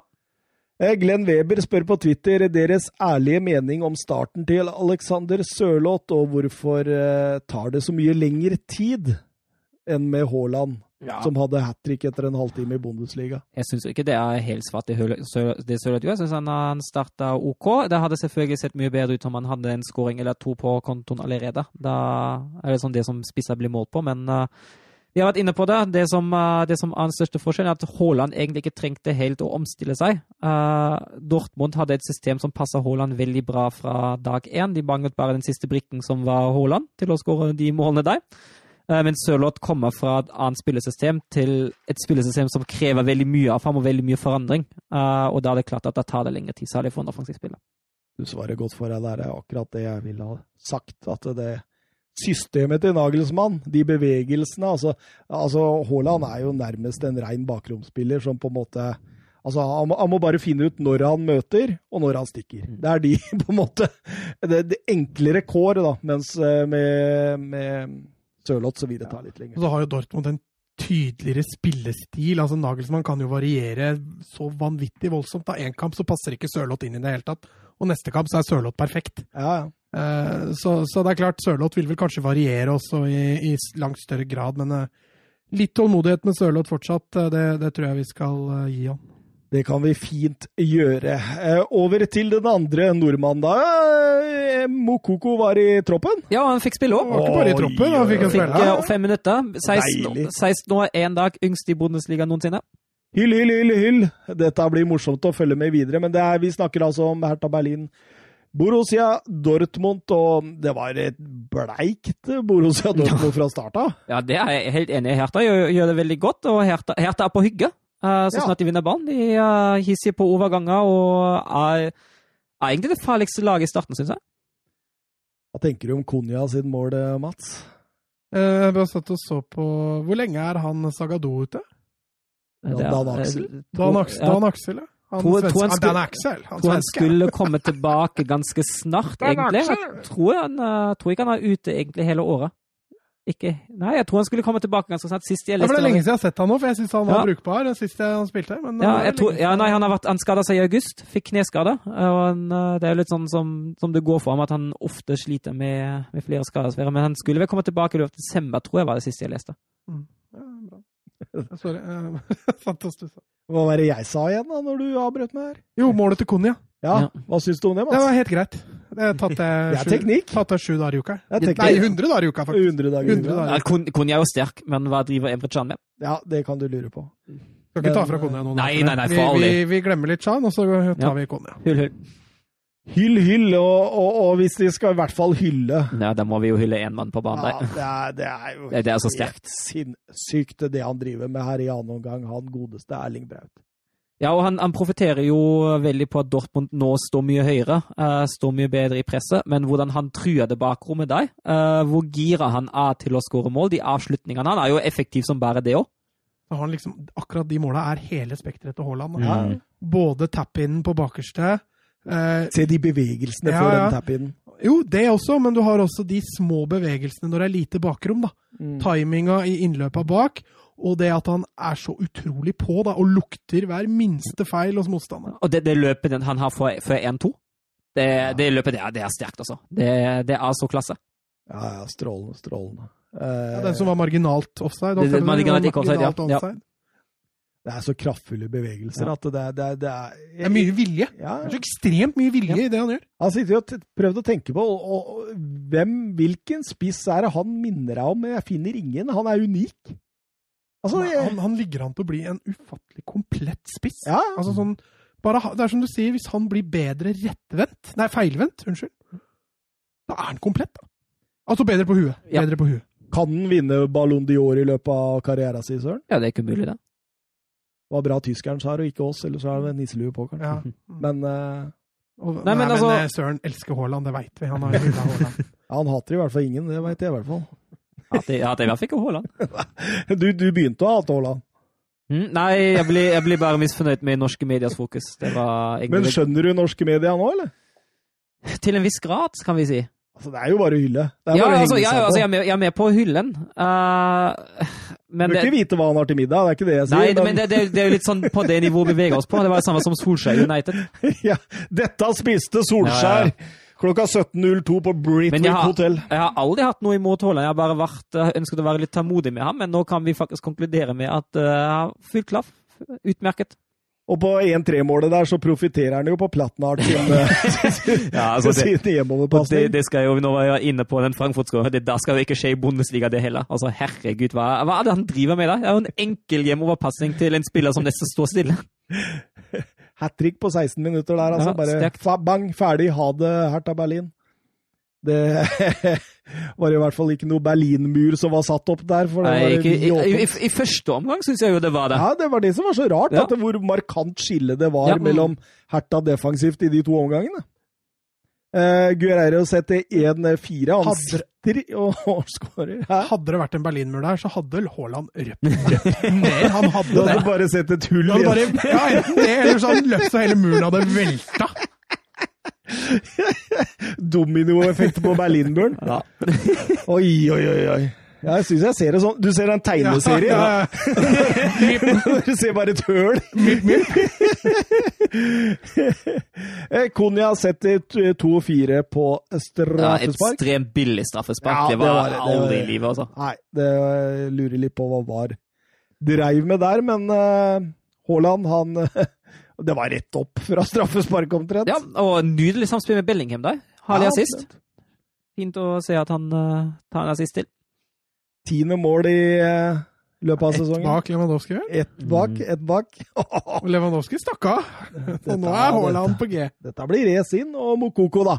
Vi må jo snakke litt Mokoko. Det er, snakke litt han fikk jo ikke så mye utretta, men, uh, Men det er jo altså, det er gøy at han har den rekorden. knuser jo Noe Sahin sin Ja, gjør rekord. Det. Og det, det er vanskelig å ta den fram, for etter reglene i Tyskland må du jo være minst 16 for å spille Bundesliga nå, så Han er 16 og én dag. ja, Du kan slå han med noen timer. Man må, må spille på 16-årsdagen, da. Det, ja, det er vanskelig, det. Jørgen Be Ready Nystuen, eh, lytterlegenden, spør på Twitter til panelets respektive favorittlag hvem ville dere hatt i deres klubb av Haaland og Lewandowski. Hvem av de skårer mest denne sesongen? Eh, Du får begynne, Søren. Ja, altså Nå har jeg jo hatt et rykte på meg at jeg hater Haaland, som er helt feilaktig. Eh, jeg kan starte med det spørsmålet om eh, Lewandowski og Haaland. Eh, jeg mener fortsatt at Haaland sånn, hvis du, hvis du bare ser på ferdighetene, har Haaland et, fortsatt et lite stykke opp til Lewandowski, som jeg mener er det Mats sier, en litt mer komplett spiss. Men Ja, mener du det? jeg syns Altså, Lewandowski jeg, jeg, jeg syns jo Altså jeg sier, ah, De er vanskelig å sammenligne. De er jo det, de er litt forskjellige, de litt forskjellige spillertyper. Er litt forskjellige spillertyper. Men uh, hvis jeg ser for det første på alderen til Lewandowski og Haaland, og hvis det gjelder Wolfsburg, da uh, Den typen spiss som Wolfsburg mangler, det er jo akkurat en bakromspiss. Og da faller valget soleklart på Haaland der. Altså, Du hater ikke Haaland? Nei, jeg gjør ikke det. Men hvem skårer mest denne sesongen? av Haaland Uh, jeg sa Lewandowski før sesong, og jeg står ved det. Mats? Ja, jeg sa jo Haaland til Barca i stad, da. Men uh, når du tenker litt over det altså Barca trenger jo nødløsninger. Det, brenner jo på dass. Og da tror jeg kanskje Lewandowski hadde vært en bedre løsning, bare for å løse problemet nå. Ja, men, men, jo... men, men, men det blir jo ikke fora i boks. Lewandowski må bli fora litt, da. Ja, men Lewandowski er også god feilvendt. Han er mye bedre enn Haaland feilvendt. Han kan sette opp Han kan være med å sette opp litt Ja, spill og sånn. Ja. Der er ikke Haaland helt ennå. Men det er klart, setter du dette over et femårsperspektiv, det er ikke tvil. Vi tar jo Haaland, ikke sant. Ja, For fem år så er Lewandowski 36. Ja, er nesten ferdig. Så, så Haaland er jo sånn sett markedsverdien hans vil jo være større og bedre. Hvem skårer flest mål? I år? Mm. Uh, jeg lander nok på, på Lewandowski. Det er deilig, for da kan jeg si Haaland. Så er jeg mot dere to. Og så hadde du egentlig rett nå. Nå rett du sa Lewandowski før sesongen, eller? Jeg ba, ja, men jeg hadde egentlig rett fordi jeg tok Haaland fordi dere sa Lewandowski. Men uh, til Tottenham, Haaland selvfølgelig. Uh, både på spillestil Ja, uh, Utvilsomt. Han hadde jo passa ja. som Altså, Mourinho hadde i hanske. Ja. hadde jo slikka seg rundt munnen flere Tenk ganger. Sono og Haaland i bakrommet der, med Med Kane bak seg. Kane som sprer. det hadde vært nydelig. Um, og så sier jeg Haaland skårer flest mål. Det- Ikke fordi jeg helt tror på det, men jeg skal gå imot dere to. Da, da, da får du egentlig rett, da. Hvis det Det er nettopp det. blir Haaland toppskårer, så Jeg har du rett. legger mange sånne egg i kurven, og så, altså, går jeg ut som den mest eh, kompetente her inne. Eh, litt grann vi, Altså, vi fant ut det at nå skal vi prøve å bare gli litt gjennom Serie A, og vi tar de tre. Kan jeg nevne én ting i Bundesliga til? Ja, Og det er jo kampen Ja, mellom. Bielefeld og Leverkusen, for der skjedde jo noe morsomt. Bielefeld er det første laget noensinne å skåre i Bundesliga uh, uten å skyte én gang på mål. Uh, og det skyldes at uh, godeste. Godeste fikk et tilbakespill som han fint kunne ha dempa ved siden av målet sitt, men som han glei sånn halvveis over foten og inn i eget mål. Det, Den hadde jo trilla utafor! ja, den hadde jo den sinkravens tilbakespill. Det var litt sånn som det innkastet for Aston Villa, var det han islendingen i mål, Juskolainen eller noe sånt? Ja, finnen, ja. Mm. Jussi han skulle, men han skulle plukke den opp Nei, han skulle ikke plukke Nei, den han skulle dempe den. Ja, så gikk den under beina på Ja. den. Det kan, det kan Men, men det, det var å dempe den og gå under beina. Altså, Radeski han, han, han skyter den i mål. Ja, han gjør det. Kan anbefale å søke den opp på YouTube. Ja, den var, det, det blir en YouTube-hit. God underholdning. Eh, men eh, litt innom Serie A før vi gir oss. Ja, da kan vi ta på oss nisselua! Ja, men, men, men, men først vil jeg til Juventus, bare, sånn, bare for å, å si at det var en enkel reise, og at Ronaldo er eh, Nydelig touch på 2-0. Ja, Herlig. Ser du hvordan han venter og venter Ja. og venter og venter? Det- er helt fantastisk, altså. Ronaldo som Han, han leverer. Han blir, blir, han blir 36 nå. Ja, men det, det ser ikke ut som han er 36, liksom. Nei, å nei, er du gæren? Nei, det er helt Det var, det var mer for å fortelle hvor gammel han faktisk er. Ikke, Kan også nevne at Mattis Delitz uh, Matthijs Delitz Mattis, hva fanken? Mattheis Delikt! Matthijs Delikt. Eh, ja, Matthijs. ja, Mattheis! Uh, første kamp fra start av denne sesongen. Syns uh, han så veldig bra ut med Demiral eh, som stopper. Så, Ja, for han tenkte jeg faktisk på til Barca, skjønner du. Ja. Ja, det- det- det- det kunne vært en- ja, ja. Men han, han var jo litt Det var jo litt Barca-rykte på nå før han gikk til Juventus. Juventus.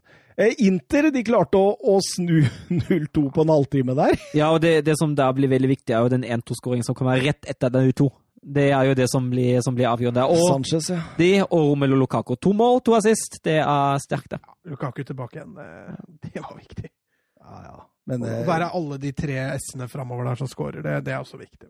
Det ser ut som dette er tipset vårt om Inter. Ja, jeg, vi må bare holde på det, men må- Ja, så lenge så bør vi ikke gjøre så mye med det, men det er klart uh, uh, Det må jo løsne litt skikkelig der. De er, jo, de er jo fortsatt på femteplass. Det er bare fem poeng opp til AC Milan som leder, men uh, dette var det Torino-laget, altså. Uten fire av sine faste spillere ute av covid, og treneren. ja, jo da. Du kan trekke fram Sassolo òg, da. Fortsatt ikke tapt i år. Nei, det er helt rått. Helt rått, faktisk, det Sassolo driver med. Eh, men så skal du vel ha på en nisselue, Mats? Ja, det var et par nordmenn. Først var det Morten Thorsby som uh, stanga inn en dødball for, eh, for søren. Deilig, søren. Ja, helt OK, det. Ja, helt, helt Han hater Thorsby. Nei, jeg gjør ikke det. Hvor kom den fra? Eh, men i en kamp uh, Sampdoria likevel ikke greide å vinne, så, så sånn sett så fikk jo ikke den skåringen noe annet enn et uh, Hva skal vi si? En parentes. Men så var det da Jens Petter Hauge, seriemester tidligere på kvelden, og så kommer Det litt av dag. Skårer den, og så blir han første ja, Han er vel førstemann til å skåre for AC Milan siden Steinar Nilsen på 90-tallet. Oi, oi, oi, oi. oi. Og det er én nordmann til, tror jeg, som har skåret eh, for AC Milan. Ja, Bredesen eller noe sånt? Ja, Per Bredesen. Da er vi tilbake på 50-tallet, tror jeg. Altså. Ja, det er stykket.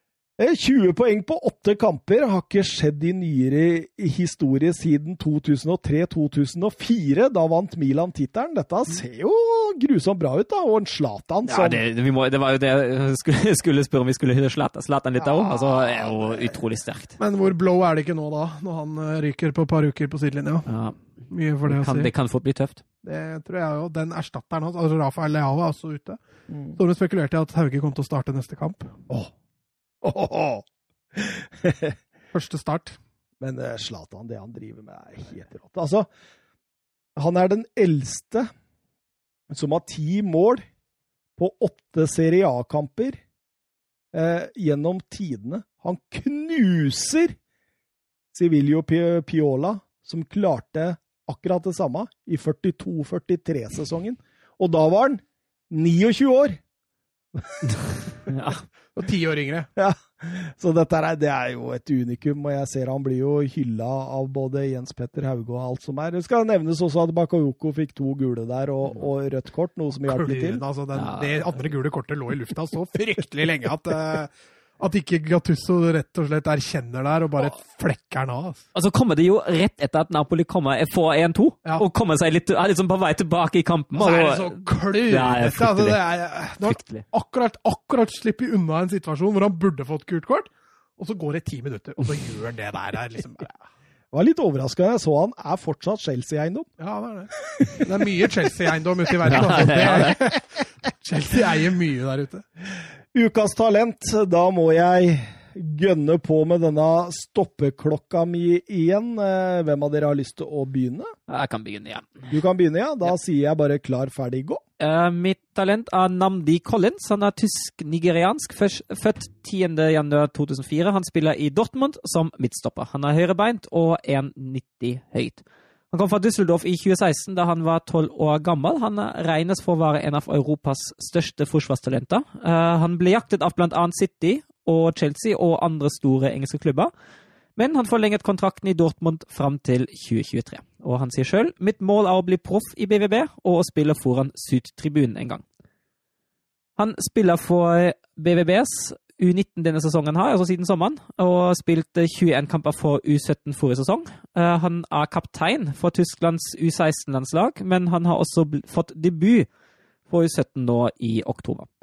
Han er en atletisk og elegant stopper, og han har ikke noen større svakheter. Han er sterk i det oppbyggende spillet, men han er nok aller best i midtstoppernes tradisjonelle oppgaver. Han er god på taklinger, hodedueller og antisipering.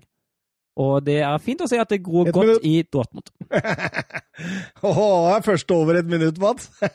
Fint, det. Du har vært over et minutt, du òg. Nei, Jo, det forrige, forrige sending nei, nei, nei, nei, nei, nei, nei, nei. Mats, Jeg skal ta det på 20 sekunder. kom igjen. Eh, Jeg har valgt meg ut eh, Ryan Duncan, den første skotten jeg velger her. Eh, Jeg var først litt i tvil om jeg skulle ta han, fordi jeg fant veldig lite på han, videoer og sånne ting, så det var ikke så lett å, å scouten. Eh, Men så så jeg han akkurat har fått debuten sin for sitt lag Aberdeen.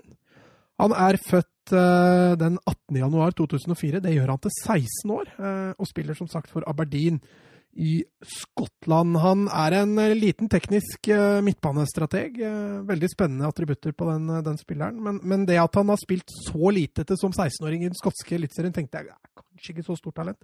Men de lille få videoene du ser, så ser man at dette er, det er noe ekstraordinært ved det, og, og noe spennende ved det. Eh, En sånn typisk indreløper med, med ferdigheter som liker seg foran eh, boksen til, eh, til motstanderen. Har som sagt fått ett minutt så langt i den skotske Premier League i år. Eh, Så får vi se om han greier å slå seg inn etter hvert. Har også fått tre U17-landskamper for Skottland. Det var så på håret et minutt, mann. Oi, oi, oi, sterkt.